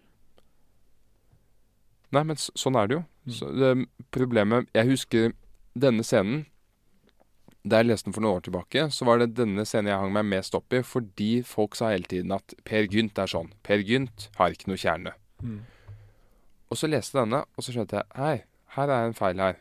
De som sier at Per Gynt ikke har noe kjerne, det er noe de ikke har skjønt. Og det er at dette gjelder jo alle. Mm. Det er jo ingen som har én ting. Jeg syns det er ekstremt deprimerende å tenke på. At det ikke har noe kjerne. Det er ekstremt deprimerende, men Da kan man bare liksom vingle rundt og speile seg i alt annet. Men Problemet til Per er jo ikke at han ikke har noe kjerne, for ingen av oss har det. Men problemet er at han fokuserer på det, er det ikke? Jo, jo. Jeg har en kjerne. Har du det? Jo, du har kanskje kjerne, men hvis du, har ikke en, hvis du gjør som Per, og du drar deg lag på lag, så finner du ikke den ene tingen langt inni deg. Det er vel ikke mulig. Nei, jeg er enig i det. Det er veldig vanskelig å finne noe sånt. Uh, altså, Det er jo derfor sikkert dette stykket fascinerer, da, selv om jeg syns det er litt oppskrytt. Det er jo dette med at uh, man, uh, man leter etter denne kjernen, og kanskje det hele er en illusjon. Man leter etter liksom hvem er jeg, hva skal jeg være, hva skal jeg bli? Og så er sannheten at du kunne ha vært mye rart og blitt hva som helst. Mm. Og så er det ikke noe spesielt. Du må, og det er kanskje derfor moralen er at hvis vi tar den løkmetaforen alvorlig innover oss, så er kanskje moralen at vi kan fortsette å lete og lete etter den kjernen, men den fins ikke. Så du bør heller bare finne branden i deg, ikke sant, og gå all in for en av lagene. Nettopp. Men Eh. kanskje, kanskje, ikke over, kanskje ikke gå helt brann. Det, det finnes en Jeg likte at du et lite øyeblikk der var med. Ja, et lite øyeblikk, men så samlet jeg meg. ja. Men det er vel kanskje det som er greia her, da. Og det tror jeg det er noe i. Ja, det er nettopp det. så så Og Per sier jo tidligere Du vet ikke nøyaktig hvor det er i boken, men han sier at han har hele livet sitt forsøkt å være seg selv. Mm, Det er kanskje det mest tragiske her. mm. Ja. Du forsøker å være deg selv. Og så kan man ofte det bli en litt sånn livsløgn, ikke sant. Der, jeg kjenner noen som er litt sånn Å, jeg er bare meg selv, jeg. Og så er det egentlig bare en livsløgn, fordi det du egentlig er, er bare en failure. Men du bare er deg selv. Eller du Jeg er bare ærlig, jeg. Folk som sier det, og så er de slemme. Det er ofte Mm. litt sånn Det kan være litt sånn Jeg er meg selv, jeg er ærlig, og, og så er det egentlig bare skalkeskjul for at du dekker over for noe, eller ikke er det noe, eller Mm. Altså, så man, det er litt det jeg ser i Per Gynt òg, ikke sant? Og så er det jo også, og så det jo også dette med at ofte så er det lån, lånte tanker. ja. Det er lånt tankegods, Mm. Men man har ikke oppdaget det ennå. Og så tror jeg jeg, dette her er min mening, dette kommer fra mitt indre. Men så Ja. Er det bare henta fra jeg tenker hvis, hvis man aldri har opplevd å ta seg selv i det, Mm. at man trodde at man, man gjorde noe som var så enestående hos seg selv, og så skjønner man etterpå det der var jo bare en kopi. Hvis Mm. man aldri har opplevd på en måte den lille pinligheten der, Mm. så, har man, så er man virkelig ute å kjøre. mm. Ja. Nei, det er en Per Gynt i oss alle, kanskje. Det kan kanskje at det Litt er mer- litt mer- lurt å oppdage dette med at løken ikke har en kjerne før man blir en olding, da. Ja. Det er jo altså det er ganske interessant, den Dickens-analogien, fordi det er jo det som skjer i julekvad òg. Han oppdager ikke livsløgnen sin før han er gammel. Han er liksom på slutten av livet. Da oppdager han egentlig hvordan han burde ha levd. Og da er det litt for seint. Det er forferdelig. Og Per Gynt òg kommer ikke tilbake før han er gammel, ikke sant? Og da oppdager han det. Så kanskje hvis vi gir opp den der jakta litt tidligere Men man vil jo ikke ikke jakte i det hele tatt på noe heller. Da blir man jo som katta mi igjen. Ja. det vil jo så Idealet er kanskje at man som tenåring begynner å jakte litt, og leite litt, og utforske og prøve litt. Og så holder man på til man er sånn, vet ikke, 25 år. Og så Ja. går man all in for en av løkene. Ja. Et av løklaga. Mm. Men hvis du holder på til det er 85, og så skal du gå all in, da er det litt seint. Jeg tenkte på dette, dette må vente Har du funnet ditt løklag å gå all in for, eller? Jeg skal bare si én ting først. Mm. Um, så bare minn meg på det, sånn at vi ikke sklir vekk.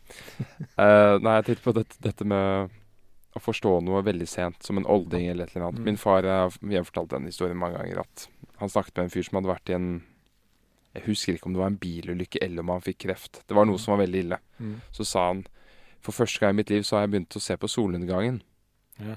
Og da svarte min far Dette kan høres litt lite empatisk ut. men han svarte at jeg behøvde ikke havne i en bilulykke for å skjønne at solnedgangen var noe å se på. Ja. Nei. Det smalt det fra Nerdrum. Liksom. ja, Ja, det er kanskje noe med å Det kan Det er bra, da. Noen innser det tidligere enn andre. Ja, det er det. Ja, ja. Men det er kanskje det. Er det det, er det det filosofiske moralen vi har kommet frem til i dag? Altså det er Det er ingen kjerne, så man må ikke holde på for lenge.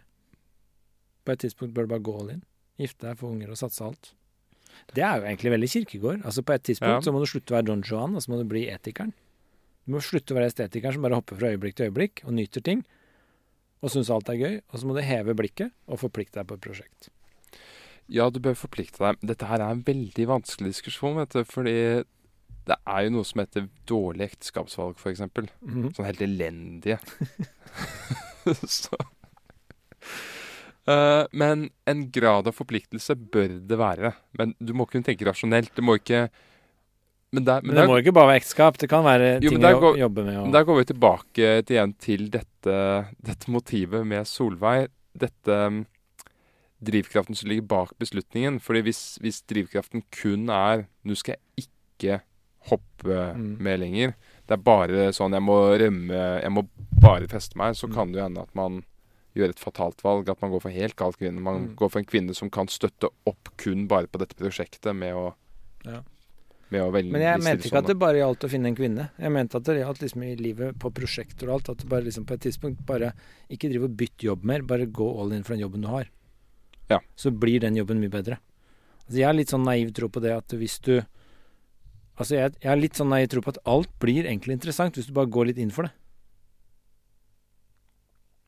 At, at man ikke liksom hele tiden tror at gresset er grønnere på den andre sida. Bare på et tidspunkt så bare sjekk grønnfargen på din egen plen, og liksom ta og prøv å male den, liksom. Ja, det er helt sant. Det er helt sant. Og det er det, det, er det jeg alltid syns er så fascinerende med historiefortelling. Sånn som når vi leser disse Ibsen-stykkene. Det er liksom det er vikingtiden, det er en scene i Drammensveien. Det er alt mulig rart, og det er alle mulige yrker og sånt. Men vi blir, vi blir sugd inn uansett. Mm. Og det viser jo at alt kan være interessant. Ja. Jeg tror det. Hvis man bare går i dybden. Ja. Jeg er helt enig. Ja, Det var en ting jeg skulle minne deg på som jeg har glemt nå. Du sa minne på det. har jeg funnet min uh, løk? sa Ja, det var det, ja. Ja, og det, det, det altså, Ditt løklag. Ja, glem den løkmetaforen, for det har vi jo blitt enige om. Man finner aldri en ja men du kan jo finne et lag For du finner ikke kjernen, men du kan finne et lag du bestemmer deg for å gå all in for. Eh, For det må du. Ellers så er du ikke deg selv og lever ja, ikke ordentlig. Nei, altså som, som jeg tidligere har nevnt, jeg, jeg kjenner meg veldig igjen i Peer Gynt, og jeg har vært Peer Gynt veldig lenge, så jeg opplever at jeg er litt sånn midt. Midt i den diskusjonen og midt i det valget. Men du er jo en relativt ung mann. Hvor gammel er du? 30? 28. 28 år, ikke sant? Du, du har jo ikke kommet hjem med langt, grått skjegg ennå. Nei, det er nei, Bare litt sånn brun, brun bart. Så du Ja. kan jo Det er mange år nå, ikke sant, før det Mm. blir Per Gynt som kommer hjem igjen. Absolutt. Ja. Absolutt. Um, og ja, som, ja, menn har jo bedre tid enn kvinner Mm. også. Um, Igjen tenkte du dame, du nå. Jeg tenkte jobb. Nei, men jeg mener sånn, mener sånn generelt. Ja, Altså, det er nettopp, det er nettopp dette at naturen minner kvinnene på ja. ja. at det er nettopp derfor kvinner blir tidligere modne enn menn. Mm. At menn er sånne voksne gutter. Har du sett den filmen med denne engelske filmen med Hugh Grant? Ja. Som handler om, det handler jo om en voksen gutt. Ja. Det viser seg altså at folk ble jo Gutta ble jo voksne når de var konfirmanter for 100 år siden ute. Mm. Og i dag så er de ikke voksne før de er 50. De går rundt med hettegenser og De går rett fra gutt til olding. Ja. De får bli gutter mye lenger, og så blir det olding. Mens før så var det gutt veldig kort, og så ble du voksen veldig fort. Men uh, husker du den scenen hvor uh, han driver, han, båten forliser på vei hjem til Norge, og så lar han folk dø litt rundt seg, fordi ja, det er ikke plass til dem. Men husker du den scenen hvor Ja. hvor han eh, sier noe sånn som at eh, de begynner å krangle om hvem som skal få lov til å dø, ikke dø. Og så sier han noe sånn som uh, Du Jeg er barnløs, så jeg er viktigere enn deg. Husker du den Ja. scenen? Og så Ja. sier han Ja, men jeg er Jeg trenger livet mer enn du, for jeg er ungeløs ennå, Ja, sier han til denne unge fyren som er blitt far. Per Gynt sier det? Ja. Eh, så han tenker liksom at det er liksom ganske interessant, fordi da, da tenker han Det er potensial igjen, ikke sant? Ja, men det har ikke så mye med alder å gjøre. Det har noe med om du har etterlatt deg noe, som er symbolikken i det. Ja. Så du, han har ikke etterlatt seg noe enda. Så derfor så bør han ikke dø enda. Nettopp. Mens han andre sier ja, men jeg er ung, gjør han ikke det? Ja. Jeg kan lese hele. Ja. uh, Per Gynt. Den neven vekk. Fordi de, de krangler om en båre eller noe sånt Ja. som er på havet. Til. Fordi liksom. skipet har forlist. Den neven vekk. Kokken. Å, snille spar. Husk på de små jeg hjemme har. Ja. Per Gynt. Jeg trenger livet mer enn du, for jeg er ungeløs ennu. Kokken. Slipp, de har levet, jeg er ung. Per Gynt. Fort, rapp deg, synk, du blir så tung. Men jeg, den, Ja, ja, og Ja.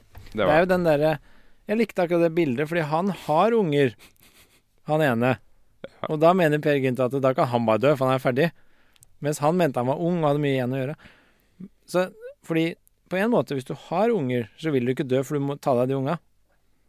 Men på en annen måte, hvis du har unger, så kan du bare dø, for du har gjort ditt. Det er litt den tankegangen som ligger og ulmer der. Mm. Den syns jeg var litt morsom, da. Ja, min svigerbror sa det til meg. Men han sa etter at han ble far, så var han ikke redd for å dø lenger. Ja, for meg er det omvendt, ikke sant. Etter at jeg ble far, så ble jeg livredd for å dø, nettopp fordi jeg kan ikke la de sitte igjen farløs. Ja. Så det er liksom tvetydig. Men i, i begge tilfeller så har jeg forsvunnet til en viss grad, da. Ja, i begge tilfeller er du på en måte ferdig. Men det er litt sånn Jeg syns det er litt tvetydig. Det var derfor jeg syntes den var litt interessant. Mm. Uh, og så liker jeg et sted hvor han sier uh, Jeg husker ikke helt hvor dette er, men han sier Slik som du sår, du en gang høster, seg selv skal den være om seg og sitt, skal den kjære seg både i stort og i litt. Um, jeg liker Det er liksom amerikaneren i meg kommer frem med det- slagordet 'Som du sår, skal du en gang høste'. Ja. Altså, du rer din egen seng.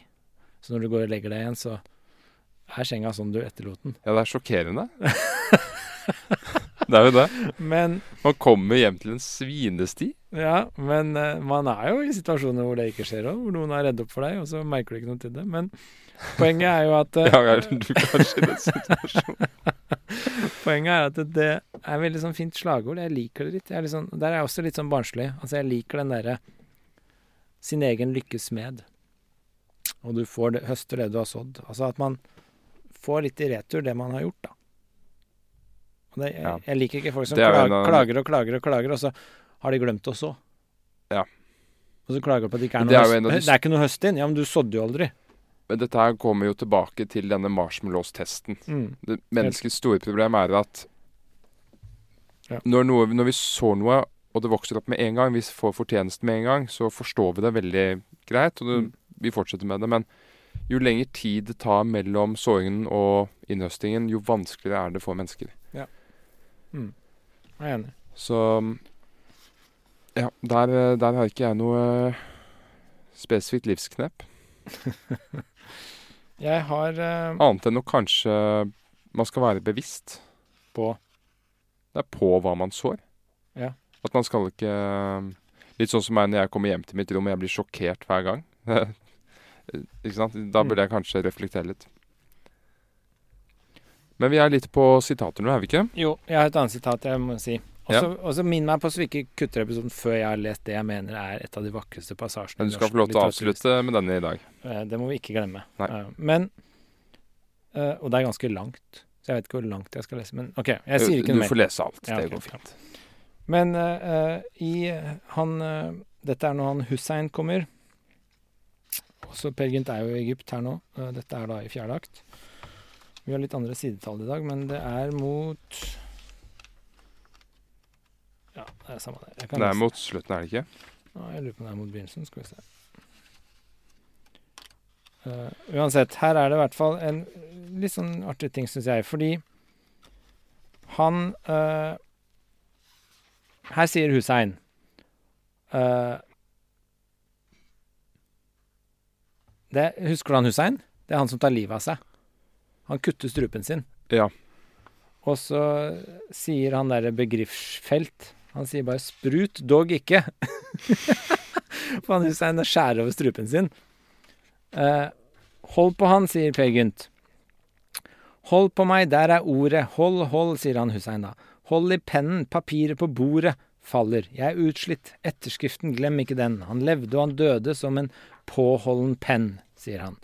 Ja, dette er i gallehuset, dette. Ja, det er når han Hussein tar livet av seg. Så sier Per Gynt svimler. Hva skal jeg, hva er jeg, du store, hold fast.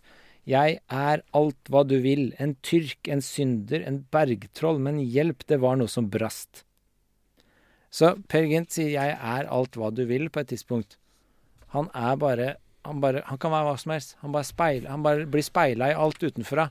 Han har ikke noen indre kjerne som stråler ut, sånn som Brand, men han, han speiles hele tiden utenfra, som er det motsatte, ikke sant?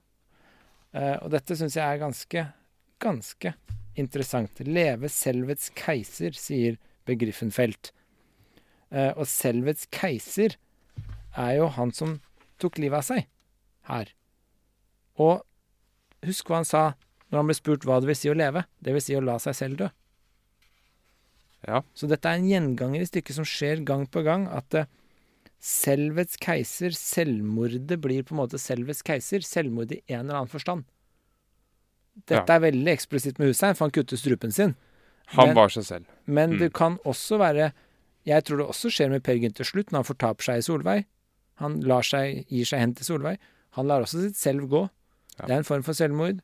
Så selvmordet er selvets keiser, sånn som Begriffenfeld sier, da. Ja. Det syns jeg er ganske sånn gjenganger i stykket, da. Og det er litt det vi har vært inne på. Men dette snakket, eh, snakket vi om for noen uker siden. Dette med selvmordet som Som noe mer enn bare selvmordet. Ja, det tror jeg var off camera, holdt jeg på å si. Altså, det, var, eh, det var off camera, ja. Ja. Uh, men, fordi selvmordet er, et, selvmordet er et uttrykk for at noe må dø. Mm, Og så Da har jo jeg tenkt veldig mye på disse som begår dette virkelige selvmord. Som kutter av seg strupen eller henger seg Mm. eller gjør noe av disse forferdelige tingene. At de kunne kanskje alternativt begått et åndelig selvmord. ja. Hva tenker du om det? Nei, altså jeg husker du var inne på det. Altså det også Det er mange måter å begå et selvmord på, ikke sant. Uh, hvis f.eks. man har investert veldig mye i en identitet, i en rolle, i en jobb, og så bare kutter man tvers av Mm. og blir noe helt annet. Plutselig bare går du med silkeskjerf. Du var jo byråkrat med grå blazer. og så plutselig bare begynner du å gå med farget silkesjal. Ja. Og røde bukser. Og liksom blir noe helt annet. Eh, Det er et slags selvmord. Mm. Ikke sant? Og men spørsmålet er og På en måte gjør jo Per Gynt det mange ganger. Nei, han gjør det aldri. Han prøver forskjellige roller, og så kutter han tvers av. Jo, man prøver nytt. aldri fullt og helt. Nei, så du tenker selvmordet må være fullt og helt? Ja, det må være Det er ikke nok å bare kutte fullt og helt, du må bli noe fullt og helt. Det Altså, tenker jeg, jeg, ikke jeg. jeg tenker det må være like skummelt som et Et åndelig selvmord må være like skummelt som et virkelig selvmord. Ja. For at vi skal kunne kalle det Nei, nei, jeg syns det er veldig interessant, for det handler jo igjen om hva er du villig til å ofre? Er du villig til å ofre alt for noe? Man må du, være det. er du villig til å si opp jobben din, eller kutte alle bånd med den vennen, eller hva er du villig til å ofre for å ta det lille selvmordsskrittet? Selv om det ikke er fysisk selvmord. Mange måter å ta selvmord på. Da. Jeg er enig med deg, det er ganske interessant. Jeg tror du stilte meg spørsmål hva tenker du om det. Jeg vet ikke hva jeg tenker om det. Nei. Nei, jeg tenker det er um, Det er et veldig viktig valg. Og veldig, veldig mye st stor litteratur handler om Som du nevnte, denne byråkraten. Det er jo en morsom, uh, morsom uh, novelle av Gogol om en byråkrat som plutselig skaffer seg en annen frakk enn han har hatt tidligere. For første gang På den tiden så kunne frakker koste like mye som et hus koster i dag. Mm. Nesten. Det er ufattelig mye, fordi det var håndsydd og alt mulig. Og så, når han har fått denne nye kåpen sin, eller frakk, eller hva det er for noe, så blir han et annet menneske. Plutselig sier han ja til å dra på fest og sånn. Og så går det forferdelig ille, for den blir stjålet fra ham, og så fryser han på gaten, og så dør han av en, en, en, et virus eller noe sånt. Så disse store endringene jo, kan jo få fatale konsekvenser, da. Ja. Men det er jo Ja. Men hva tenker du ligger i et sånt selvmord, hvis det ikke er et fysisk å ta livet av deg, men det er Det er jo Det er jo kanskje det Freud ville snakket om dette superegoet, at du, du gir opp et superego. Ja. Det er, det er bildet av deg selv, av hvem du er. Som du sier, du har investert i en identitet, en jobb kanskje, et eller annet sånt, og du kaster alt det på dør og går helt inn for noe annet. Er ikke det Per Gynt gjør med Solveig til slutt? Jo, jeg tenker jo det. Og han vet jo han vet jo hva han skal gjøre helt på slutten.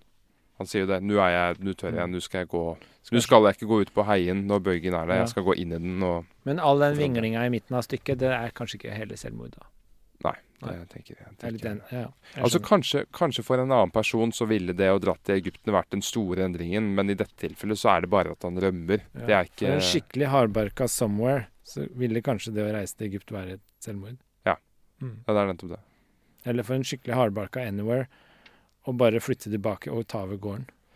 Dette er, dette er Vil det være et slags selvmord fordi du oppgir det du har investert i, Ja, ikke sant? for Og, noe helt annet. og det er dette her som er så vanskelig med, med åndelige, eller åndelige kvaler og sånn. At Mm. en ting som høres veldig lett ut, kan være veldig vondt for en person, og motsatt. Mm.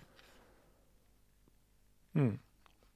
Fordi bare det å gi seg hen til Solveig, som er sikkert en veldig flott dame, det for mange mennesker høres jo ikke det ut som et selvmord. Høres helt umerket ut, det. Men, men hos, for han Per så satt det veldig langt inne, å vende tilbake til henne. Mm. Jeg syns det hadde vært litt vanskelig å på en måte, etter et langt liv, vende tilbake til utgangspunktet. Fordi Nettopp fordi da hadde, da hadde jeg følt liksom at det ikke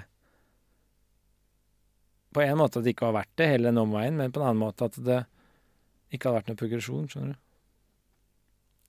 Jeg tror det er det vanskelige for meg. Ja. Hvis jeg Ja. plutselig skulle blitt sammen med en som jeg var sammen med på ungdomsskolen og flytte hjem, liksom.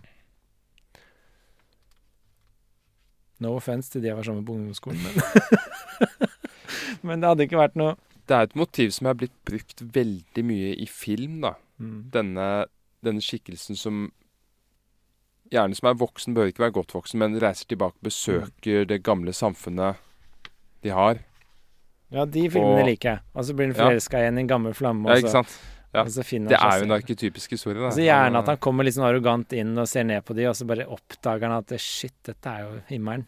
Ja, det er jo fyren som kommer Ja. fra byen og kommer hjem Ja. Jeg tror det er en komedie som heter Sweep Tom Alabama, som er litt sånn som jeg likte veldig godt. Ok. En romantisk komedie. Det er bare tull og tøys, men det er litt den ideen.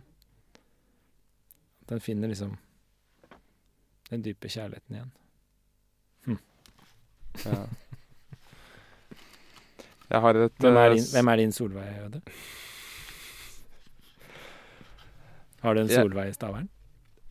Nei, det er ikke noe Solveig i Stavern, tror jeg. Har du en Solveig på Island? Um, nei, nei, jeg tror ikke det. Nei, du vet, altså Problemet er knappstøperen har ikke dukket opp ennå. Han, han har ikke presset meg nok til å være ærlig med meg selv. Skjønner. Mm. Men jeg har et eh, annet sitat her som jeg syns var veldig morsomt. Ja. Hvor er du cirka? Nei, jeg er, eh, er i femte La meg se. Nei, det er i fjerde akt. Mm. um, nei, det var femte akt. Det er for så vidt litt morsomt i fjerde akt når Per Gynt uh, sier til begriffen fylt Jeg har alltid prøvd å være meg selv. For øvrig, her er mitt pass. det er morsomt. Men uh, nei, det jeg tenkte på i femte, det er når Per Gynt eh, nærmest utlover en dusør. Og dette her er La meg se en ja, dette her er når han har kommet hjem, og han har hørt at de snakker om Per Gynt, og han sier selv 'Per Gynt, hvem er han?' Altså han har glemt hvem han selv er, nesten. Men så sier han til denne flokken med mennesker Tenker du at han har glemt det, eller tenker du at det var mer retorisk? Jeg tenkte bare at det var litt sånn han var nysgjerrig. Jeg tenkte kanskje han var nysgjerrig, mm. men jeg holder en liten Jeg holder døren på klem på at han kanskje glemmer det. Ok. Ja. Men så sier han ehm, Alt skal han få som viser meg på heien, stolpen med påskrift Her går veien. Mm. Han vil bare Han lengter etter ja, det. han skal gi alt til den som kan vise han veien. Ja. Det er litt sånn Faust, ikke sant? Sånn der du selger sjela di for å vise veien. Bare få en vei. Det er så vanskelig det ansvaret. At man selv skal bestemme veien. Mm. Bare vis meg en vei, så kan jeg bare gå på den. Og det er jo litt den derre Bare jeg får en vei som er OK, så skal jeg bare gå all in for den. Det er jo det alle vil. Hvis noen bare kan gi dem den veien. Er kanskje Per Gynt uh, mye mer aktuelt for dagens mennesker enn man kanskje tror? Ja, jeg tenker jo Per Gynt er veldig aktuell i dag, bare fordi han er Vingelpetter, og alle er Vingelpetter i dag. Det er en sånn globalisering. Alle går i retning av anywhere, somewhere blir sett ned på. Det er litt sånn Alt, alt skal med til alle tider på alle steder. Og da blir identiteten oppløst. Og derfor er vi mer vinglete enn noen gang. Derfor er Per Gynt mer aktuell enn noen gang. Husker du denne femte akt Det gjør ikke at jeg liker Per Gynt noe bedre. Husker du femte akt rett før Rett før han treffer knappestøperen? Og han har denne siste, på en måte, denne siste Siste store kampen med seg selv. Med, nettopp med alle disse mulighetene. Hvor eh, susning i luften Altså, luften synger. Vi er sange, du skulle sunget oss. Tusen ganger har du knuget og tvunget oss. Og så kommer det duggdråper, vi er tårer, der ei ble felte, isbrodd som sårer, kunne vi smelte. Så naturen begynner å synge at uh, vi var en mulighet, jeg var en mulighet, hvorfor sang du ikke oss, løven i luften, du kunne sunget oss. Mm. Bladene snakker til nå, ja. Ja. Det er litt vakkert, det der. At naturen begynner å snakke til deg. Det er en gjennomgang med Ibsen, det skjer Ja. ofte mot slutten av stykkene. Altså, han glemte Kanskje ideen er at han glemte naturen, ikke sant? Han bare fortapte seg i abstrakte ting. Altså, det er derfor han snakket med Girfenstadt, eller hva han het. Ikke sant? Det er bare abstrakte ting. Så glemte han naturen. Bare ja, jeg opplever ikke det jeg opplever det bare som at det, det er liksom alle mulighetene som snakker med ham. ja. At han holder på at Han holder på å komme til essensen av sitt problem, nemlig at det er for mange muligheter. Det Ja. er det som er problemet. mm. Apropos det du sa om eh, at Per Gynt er mer aktuell enn noen gang i vår tid. Begynnelsen av fjerde akt. Ganske på begynnelsen, ikke sånn helt på begynnelsen, men det er liksom Begynnelsen av fjerde handling, så sier han jo Da snakker han med monsieur Ballot. Og så sier monsieur Ballot De er jo norsk, sier han til Per Gynt. Så svarer Per Gynt. Av fødsel, ja. Men verdensborger av gemytt. For hva jeg har av lykkens nytt, jeg takke kan Amerika. De vel forsynte bokreoler, jeg skylder Tysklands yngre skoler. Fra Frankrike fikk jeg mine veste, min holdning og min skjerv av ånd. Fra England en arbeidsom hånd og skjerpet sans for eget beste. Av jødene har jeg lært å vente, litt hang til dolce far niente. Jeg fra Italia fikk, ikke i sen fikk i sending, og en gang i en snever vending, jeg økte mine dagers mål ved bistand av det svenske stål. Så ideen er Jeg syns den er veldig morsom. Det er også veldig moderne. Ja, jeg syns den var litt morsom, fordi dette er for meg veldig sånn typisk norsk. Det der altså Du er norsk. Hva betyr det? Jo, det betyr egentlig bare at du ser mot alle andre og gjør som dem.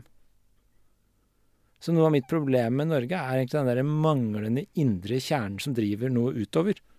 Mens det vi ofte gjør, er å bare se utover, og så speiler vi oss i det. Og så tar vi det med oss hjem. Så det å være norsk er litt den der å mangle kjerne. Og det føler jeg er litt sånn Sånn sett er Per Gynt erkenorsk. Han er verdensborger av gemytt. Han reiser rundt og bare henter impulser, og så har han ikke noe sjøl. Han har ikke noe kjerne. Og et eksempel jeg, Det slo meg for noen år siden veldig, det her, og det er Jeg satt og hørte på Norsk rocks historie. En sånn dokumentar på radio, tror jeg det var, eller TV, jeg husker ikke. Jeg satt og hørte på Norsk rocks historie, og så var det hele historien til norsk rock. Og da var det fra dag én egentlig bare All norsk rock var bare et speilbilde på utenlandsk rock. Det begynte å ligne helt på Beatles. Og så ble det helt likt 70-tallsrocken i utlandet. og så ble Det det ble, var bare alltid likt alt annet. Så kom Amerika. så bare, Norsk rock var bare spille helt likt som det gjorde i England og USA, men gjøre om teksten til norsk. Og så slo det meg. Dette var veldig norsk. Hele den norske rockehistorien speila egentlig Det var en slags Per Gynt, hele greia. Det var ikke noe originalt, ikke noe spennende. Og det var egentlig ikke noe norsk. Det var liksom bare norsk i klær, men ikke i kropp, skjønner du. Mm. Men det fins et unntak. Dette er spennende for deg, Øde. Det fins ett unntak i norsk rock som nesten ikke ble nevnt i denne norske, norske rockedokumentaren. Svartmetall. Aha. For hva skjedde med svartmetallen? De sa bare det her gidder faen ikke vi å være med på. Vi gjør vår egen greie. Og- Og, de sang på norsk. De begynte med sine egne rytmer, og alt bare Og den ble altså ikke nevnt i dokumentaren? Nesten ikke. Og det de gjorde, var jo å ta kjernen i norsk natur og norsk De var veldig opptatt av Kittelsen, f.eks. De var veldig opptatt av norsk skog og av tusser og troll, ikke sant. De tok tilbake til vikingtida. De henta opp igjen det de mente var erkenorsk. Og så gjorde de dem til sin egen greie, og spilte sin musikk. Og så etter hvert, hva skjedde? Det er ingen i dag som tenker på alle de norske banda som sang på norsk akkurat som de gjorde i England og USA. En av de største eksportvarene i norsk rock er jo svartmetall i dag, fra Mm. Norge. Så de tok bare sin indre kjerne og transformerte den til Ja. noe stort, og eksporterte det ut. Mens hele norske rockehistorien var egentlig bare en import. Ja, jeg, altså, det er akkurat det samme i malerkunsten. Jeg vet. Det Det var det. altså Dette er en det er så- er så- jeg trekker i en bok. Det er, så- det er jo så merkelig. Det er, det er flere elever av min far som ikke tør å være åpne om i offentligheten om at de har vært elever av ham. Mm. Samtidig, på 20-30-tallet, så reklamerte visse malere voldsomt med at de hadde vært elever hos Matisse i Mm. Frankrike. Mm. For han var i Frankrike, det var utlandet, så da var det stas. Mm. Det Og hele denne hele kunsthistorien Norge på 1900-tallet, det handler om hvilke strømninger var populære i utlandet, Mm. og hvem var det som kopierte dem først i Norge. Helt enig. og Dette er, sånn, dette er for meg veldig sånn typisk norsk. Du bare importerer heller enn å eksportere. Det er derfor vi ikke har noe Hennes og Maurits. ikke sant? Sverige har jo Hennes og Maurits. De eksporterer, de. Dette, dette er litt morsomt, fordi jeg har lest et sted at Norge er det landet i verden som importerer mest også. altså som minst selvforsynte land i verden. Men det syns jeg er så trist, for det er, sånn, det er litt sånn identitetsløst. Det er akkurat som vi skammer oss over egen identitet. Og det syns jeg er så trist. Og det var det svartmetallen bare ga helt beng i, og det er derfor jeg syns de er så kule. For de hadde den indre kjernen som de bare strålte ut, i stedet for å bare gå og hente seg noe utenfor. Jeg har lyst til å supplere med et nytt sitat fra Per Gynt litt etterpå. Mm. Hvor han begynner å snakke om uh, dette keiserdømmet sitt, som er helt uklart hvor det skal ligge. Det skal være, han skal være keiser over verden. Midt i mitt hav på en fet oase vil jeg forplante den norske rase. Det dølske blod er jo kongelig nesten. Arabisk krysning vil gjøre resten. Uff da. Nå bikka det over. hva, hva, hva mente du med det her? Hva jeg mente med det der? Ja. Nei, det er jo nettopp det. Det skal blandes, og det er ikke så farlig hvem det er med. Nei. Det er liksom sånn I denne oasen. Vi kan bare blande det, og det, det fungerer så godt. Nå er jeg på tynn is, jeg mente Nei, altså, er du, er du litt sånn redd for sånne rasismeanklager og sånne? Er det det? Nei, men altså, jeg tenkte kanskje ikke sånn umiddelbart sånn Jeg tenkte ikke så veldig sånn biologisk eller rasemessig. Jeg tenkte mer sånn kulturelt, jeg. For meg er det ikke så viktig om den er mørk eller lys eller har det etniske opphav. For meg er det mer sånn kulturell identiteten jeg tenkte på. Altså jeg tenkte sånn Ja, Det ab også- absolutt. Det å eksportere en kultur er for meg noe helt annet enn f.eks. nasjonalisme. Dette er kongstanken til Ibsen. ikke sant? Før var vi en nasjon, nå skal vi bli et folk, sa han. Det liker jeg. Jeg liker å være et folk. Men nå er vi motsatt vei igjen. Nå har vi gått fra å være et folk til å bli en nasjon igjen. Og det er helt greit, men jeg tenker ikke sånn farge, kjønn Jeg, er ikke så opptatt av det. Det syns jeg egentlig er litt interessant. Jeg tenker mer sånn hva er det kulturelle innholdet vi har å eksportere? Det er jo ganske interessant. Gitt at vi bor her sammen. Uansett hvem jeg bor med, det er ikke så viktig. Absolutt. Så jeg Eh, tenker den der, det var det svartmetallen gjorde så kult. De liksom eksporterte en kulturell vare. Og det er helt uavhengig av liksom Det er ikke så viktig hvem det var som gjorde det. det bare sånn, hvis jeg hadde, jeg hadde ment det samme om jeg bodde i Sør-Europa eller Kina eller eh, Sør-Amerika eller spilte noen rolle. Jeg hadde ment det samme der. Jeg vil at de også skal ta det lokale, transformere det, heve det opp og eksportere det. Det er det som er kult. Det er det som Ja. skaper ordentlig mangfold. Ja, det er det det, Alf Prøysen gjør så bra. Han tar det bitte lille på Hedmarken, skaper universelle følelser ut av det. Som gjelder også i Spania, f.eks., hvor det er en dame som har spilt inn to Prøysen-skiver på spansk. Ikke sant? Hever det opp, gjør det universelt. Det er det stor kunst gjør. Det er det svartmetallen gjorde. Det er det jeg mener din far gjør, f.eks. Veldig bra. Han tar konkrete, Ja, Men det, er- det, er litt det, det er litt det jeg mener med dette sitatet her, at du kan ikke bare, du kan ikke bare si at de andre vil gjøre resten. En krysning mellom et, noen andre vil gjøre resten. Mm. Du må, du må bygge opp en kultur helhjertet, Ja. Med, en- med, med kjærlighet som tilnærming. Helt enig. Så Og det er det jeg føler er veldig sånn typisk norsk, å, å heller fornekte sin kultur enn å være stolt av den. Og heller forne se utover enn å se innover. Jeg hadde nylig en konferanse på Universitetet i Agder in, som het Norsk filosofi, hvor vi begynte å se på hva er norske trender i norsk filosofi. For det er overhodet ikke studert i norsk filosofi i dag, i Norge. Og det var en dundrende suksess.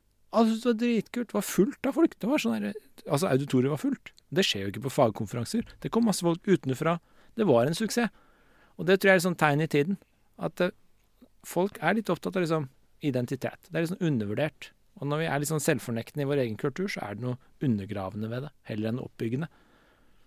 Og dette, ja, og dette handler egentlig for meg om nesten det Ja. Ja. Men, men altså, det er, Norge er vel som Per Gynt, da. At Ja. de, har, de har mye i pappen, som han sier Anitra ikke har. Eh, og så er de redde for å ta ett standpunkt, for de er, de er redde for at det blir feil. ja. Det er litt sånn jeg tenker. Så Er- derfor, derfor er det, er Per Gynt mer aktuell enn noen gang. Men altså, er det reell fare for at man velger feil? Ikke hvis man går helhjerta inn for det, kanskje. Jeg vet ikke. Det har jo trådt feil før. Det er mange som vil si identitetsbygging har trådt feil før. Mm, ja, men, men altså Selvfølgelig, altså det, det er jo noe som heter alminnelig folkeskikk, og Mm. så er det noe som heter å ikke skade sin neste, ikke, ikke slå i hjel og sånne ting. Mm. Um, så, så vi må nesten holde det separat fra identitetsbygging, Mm. syns jeg. Jeg bare tror det er veldig viktig når du skal bygge identitet, så må du ha en kontrast. Du må ha noe du ikke er. Ellers så klarer du ikke å bygge en identitet. Hvis alt er likt og du er i et vakuum, så har du ingenting å sette deg opp mot. Og da klarer du ikke å si hva du er heller, for da er du alt og ingenting på en gang. Så du må ha en kontrast. Og Det er derfor jeg tenker sånn, du må sette en kontrast til hva er norsk kultur, og så må du sette i kontrast til noe annet. Og så kan du bikke over til det jeg mener er gal måte å gjøre det på, og så gjøre det ved å nedvurdere kontrasten din. Så du snakker den ned hele tiden. Det er en dårlig måte å bygge identitet på. Mm. Men å bare sette seg i kontrast og si det er jo kjempekult, men det er noe litt annet. Det er en god måte å bygge identitet på. Og det er de to jeg tenker vi må holde, klare å holde tankene i hodet samtidig. da. Altså hvordan du setter deg i kontrast til noe. Du kan gjøre det på gode og dårlige måter. Som Per Gynt sier, det er to måter å være seg selv på. Innsiden og utsiden av kjolen. Så jeg tror det er veldig viktig Ja. å Jeg tror det er litt sånn undervurdert, da, behovet vi mennesker har for å sette oss i kontrast til noe annet og bygge en egen identitet. Hva er norsk filosofi, liksom? Hva er norsk musikk? Hva er norsk svartmetall? Det er helt reelle, gode spørsmål, spør du meg, Mm. som er viktige. Og det er det Per Gynt på en måte aldri får til, da. Han bare vingler rundt, ikke sant, og er Ja. tyrker en dag, og svensk en annen dag, og fransk en tredje dag, og tysk en fjerde dag, ikke sant. Han er bare alt, han. De er jo norsk. Av fødsel, ja. Men verdensborger av gemytt. Han har FN-nåla på skjorta, vet du. Han har ikke det norske flagget. Jeg føler at nå har vi tråkka i salaten. Nå blir vi, nå blir vi uh, tatt av lufta hvert øyeblikk. Men dette Ja. er oppriktig godt ment. Er ikke, jeg mener det ikke Ja. er noe slemt over det her. det, nei, men jeg, jeg syns det er- dette er veldig spennende. Jeg, jeg, er altså, jeg, må si dette er veldig spennende fordi, som du sier, nå tråkker vi i salaten. Nå har vi også med det sitatet jeg leste der, ikke sant. Så det er jo en arabisk krysning, og er, nå blir vi kansellert og sånn. Eh, nå har det jo i seg at han er jo i Arabien, så det er konteksten. Mm. Bare sånn at det er sagt. Men nå beveger vi oss også inn på det store tabu Mm. i vår tid. Nemlig nasjonalitet. Som en identitet. For det er jo tabu. Ja. Uh, og det er jo på en måte litt absurd fordi hele samfunnet vårt er bygget rundt nasjoner. Mm. Og, og FN er, FNs organ er er å bygge, bygge på kjemi mellom nasjoner. Ja. Så det er veldig rart at det er et tabu. Ja, og så er det viktig å skille mellom nasjon og folk. Jeg liker den Ibsen også. Altså, det, når han sier eh, det er vi, var en, vi kan godt være en nasjon uten å være et folk. Det fins sånne nasjoner som bare er formelle konstellasjoner. Og så er det splitta i 100 forskjellige folkeslag, ikke sant. Og det er på en måte mer interessant. Altså, det interessante er på en måte å være et folk. Det er jo det som er liksom enda mer tabu, tror jeg, enn å være en nasjon. Det er Mm. ikke så ille å si jeg er norsk som å si jeg er et norsk folk. Men jeg tror det som er viktig, er jo, når tidene forandrer seg, er jo også å tenke at å være et folk, det har ikke noe For meg har ikke det noe Det er en god tanke, men det har ikke noe med genetikk eller biologi å gjøre. Å være et folk. Det har noe med kultur. Det er som Nietzsche sier, å ha en enhetlig stil. At du har noe felles som du deler. Det er det som er å være et folk. Altså, jeg ville sagt at Om du har mørkt eller lyst hår, mørk eller hud, utovertiss og innovertiss, er ikke så viktig. Men, men altså, utseendet har jo noe med stil å gjøre. Uh, så jeg ville jo sagt at det har noe med folk å gjøre, men det er, det er den overfladiske biten. Ja, og så er den litt på er- vei ut. Altså etter et par generasjoner og folk har blanda seg, så er det ikke så viktig lenger. Det er mer liksom væremåten, tenkemåten, det er mer stilen du er på, tror jeg. Og så er ikke farger Ja, men så viktig jeg har, ikke lyst til å, jeg har ikke lyst til å si at det ikke har noe å si. Fordi det blir sånn ideologisk motsatt vei. At fordi, fordi det er politisk korrekt, så avfeier jeg at det har noe å si Ja, i det hele tatt. Mm. Men, men, men jeg oppfatter det som overfladisk. Og, Ja. og, og den virkelige kulturen i et land er jo hva vi spiser, hvordan vi oppfører Ja, oss, kulturen vi konsumerer, hva vi skaper. Er. Og så kan det hende det har noe å si i dag, men min påstand er at kanskje mer normativ, da. Altså jeg tror ikke det i fremtiden kommer til å ha så mye å si. Jeg tror kanskje ikke det bør ha så mye å si. Det er mer væremåten som er interessant, syns jeg, da. Ja, ja, ja. Men, Ja. Det, er- men det er ideologi, ikke sant. Ja. Det er hva du syns det skal være. Ja, ja, det er litt normativt. Det er ikke kanskje akkurat sånn det er. Men OK. Eh, interessant. Enig? Jeg syns eh, Bare en liten jeg har lyst til å nevne. Jeg syns Mm. eh, Ibsen er litt flink med symbolikk i denne fortellingen. Ja. Her i åpningen på femte handling så sier Per Gynt Han, han eh, er altså på denne båten på vei inn mot Norge. Se hallingskarven i vinterham, han brisker seg gamlen i kveldssols bram. Bror han står bak på skrå, han har ennå den grønne iskåpen på. Og jeg vet ikke hvor bevisst dette har vært av Ibsen, men også denne kvinnen, denne trollkvinnen i andre akt, er kledd i grønt. Mm. Og i alkymien så er jo grønt en dårlig farve. Det vil si, det er ikke en dårlig farve, men det sten, denne vise sten, som er en metafor for selvutvikling og å bli vis, den er først grønn, og når du er blitt vis, så er den blitt rød. Mm. Og også i det norske språket så er jo å være grønn er jo å være litt dum. Ja. Så jeg oppfatter det at det, her bruker han dette for å beskrive noe som er uferdig, det som er uutviklet. Jeg opplever han som har veldig mye sånn hele veien. Det er sikkert en haug med symbolikk som bare går oss hus forbi, ikke sant? Ja. Jeg føler hver eneste ting han sier, har noe å si, på en eller annen måte. Ja, det er som min venn Jan Berg har sagt, at du, kan ikke, du kan ikke gå glipp av en eneste setning hos Ibsen. Men øh, vi må lese det avslutningen, det som er så vakkert. Så er det litt langt, så det kan hende det blir litt pinlig.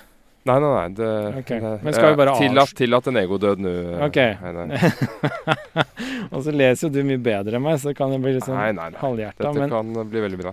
men uh, dette, jeg må ha litt kontekst, fordi dette er jo Jeg syns det er litt fascinerende, denne Per Gynt og Mor Aase-forholdet. Og, og dette Altså, når jeg var 17-18, kanskje 19, jeg husker ikke, rundt der et sted, så leste jeg deler av det her. Eh, Jeg leste jo som sagt Per Gynt på videregående.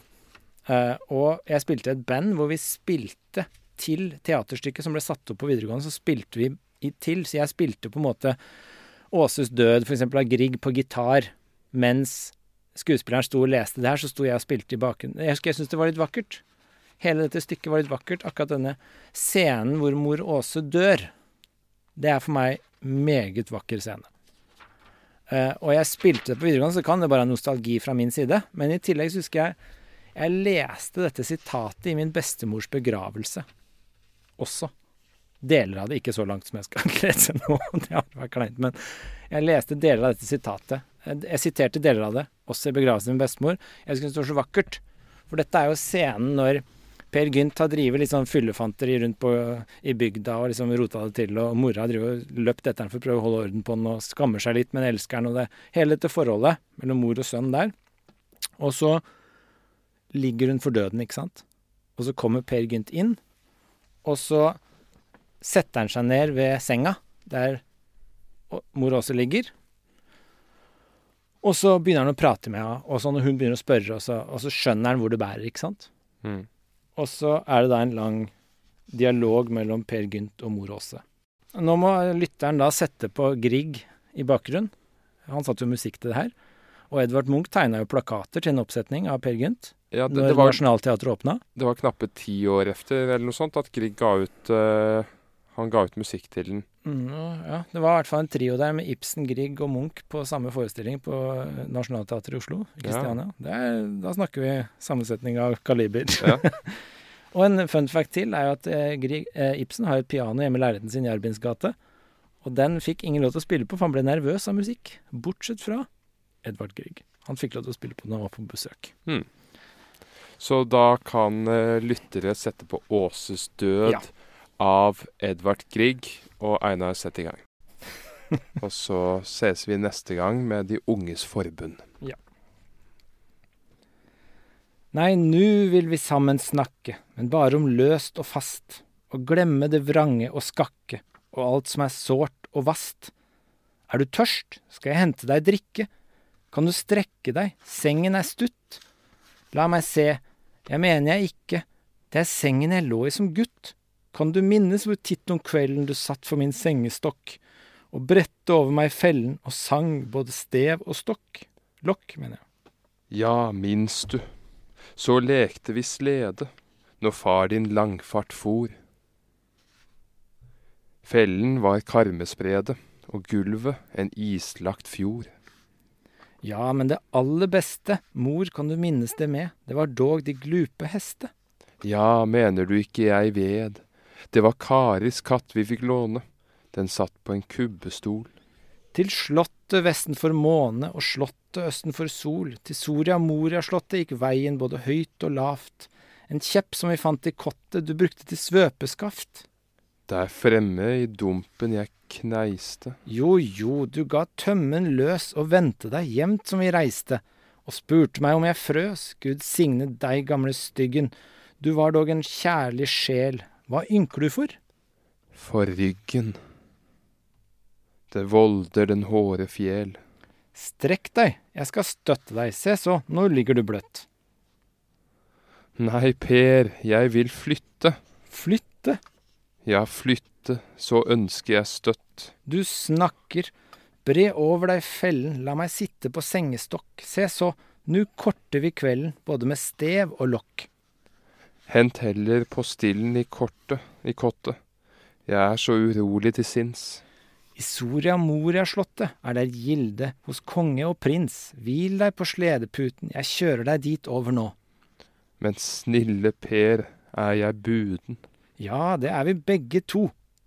Kaster en snor om stolen hvor katten ligger, tar en kjepp i hånda og setter seg foran på sengestolpen. Hypp, vil du rappe deg, svarten? Mor, du fryser vel ei? Jo, jo, det kjennes på farten når grane legger i vei. Kjære Per, hva er det som ringer? De blanke dombjeller, mor. Hun nei da, hvor hult det klinger. Nu kjører vi over en fjord.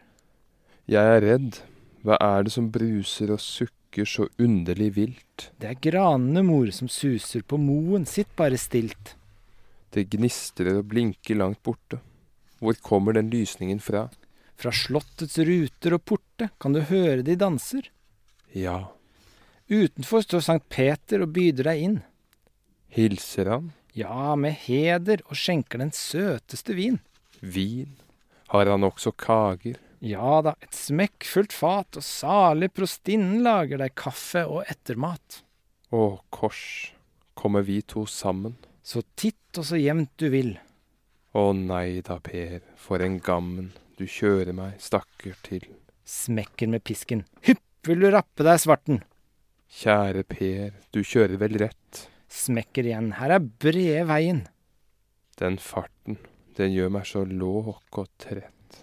Der ser jeg slottet seg høyne, om litt så er kjørselens slutt. Jeg vil ligge og lukke øyne og lite på deg, min gutt.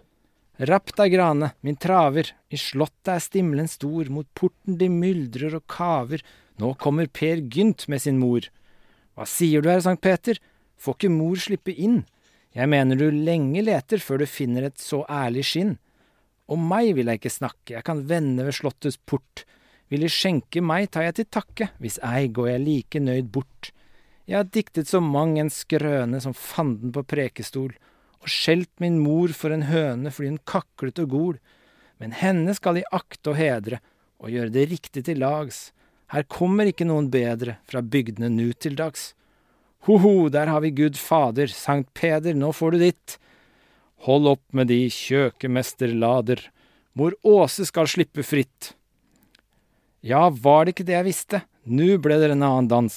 Hvorfor ser du som om øyet skulle briste? Mor, er du fra samling og sans? Du skal ikke ligge og glane. Snakk, mor, det er meg, din gutt. Føler varsomt på hennes panne og hender, derpå kaster han snoren bort på stolen og sier dempet. Ja så, du kan hvile deg, Grane, for rett nu er reisen slutt. Lukker hennes øyne og bøyer seg over henne. Ha takk for alle dine dager, for bank og for barnebyss. Men nu får du takke tilbake, trykker kinnet mot hennes munn. Se så, det var takk for skyss.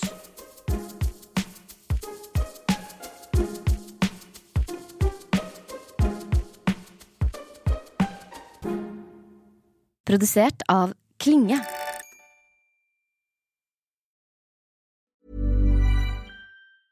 Planning for your next trip? Elevate your travel style with Quince. Quince has all the jet setting essentials you'll want for your next getaway, like European linen, premium luggage options, buttery soft Italian leather bags, and so much more. And is all priced at 50 to 80% less than similar brands. Plus, Quince only works with factories that use safe and ethical manufacturing practices. Pack your bags with high-quality essentials you'll be wearing for vacations to come with Quince. Go to quince.com slash pack for free shipping and 365-day returns.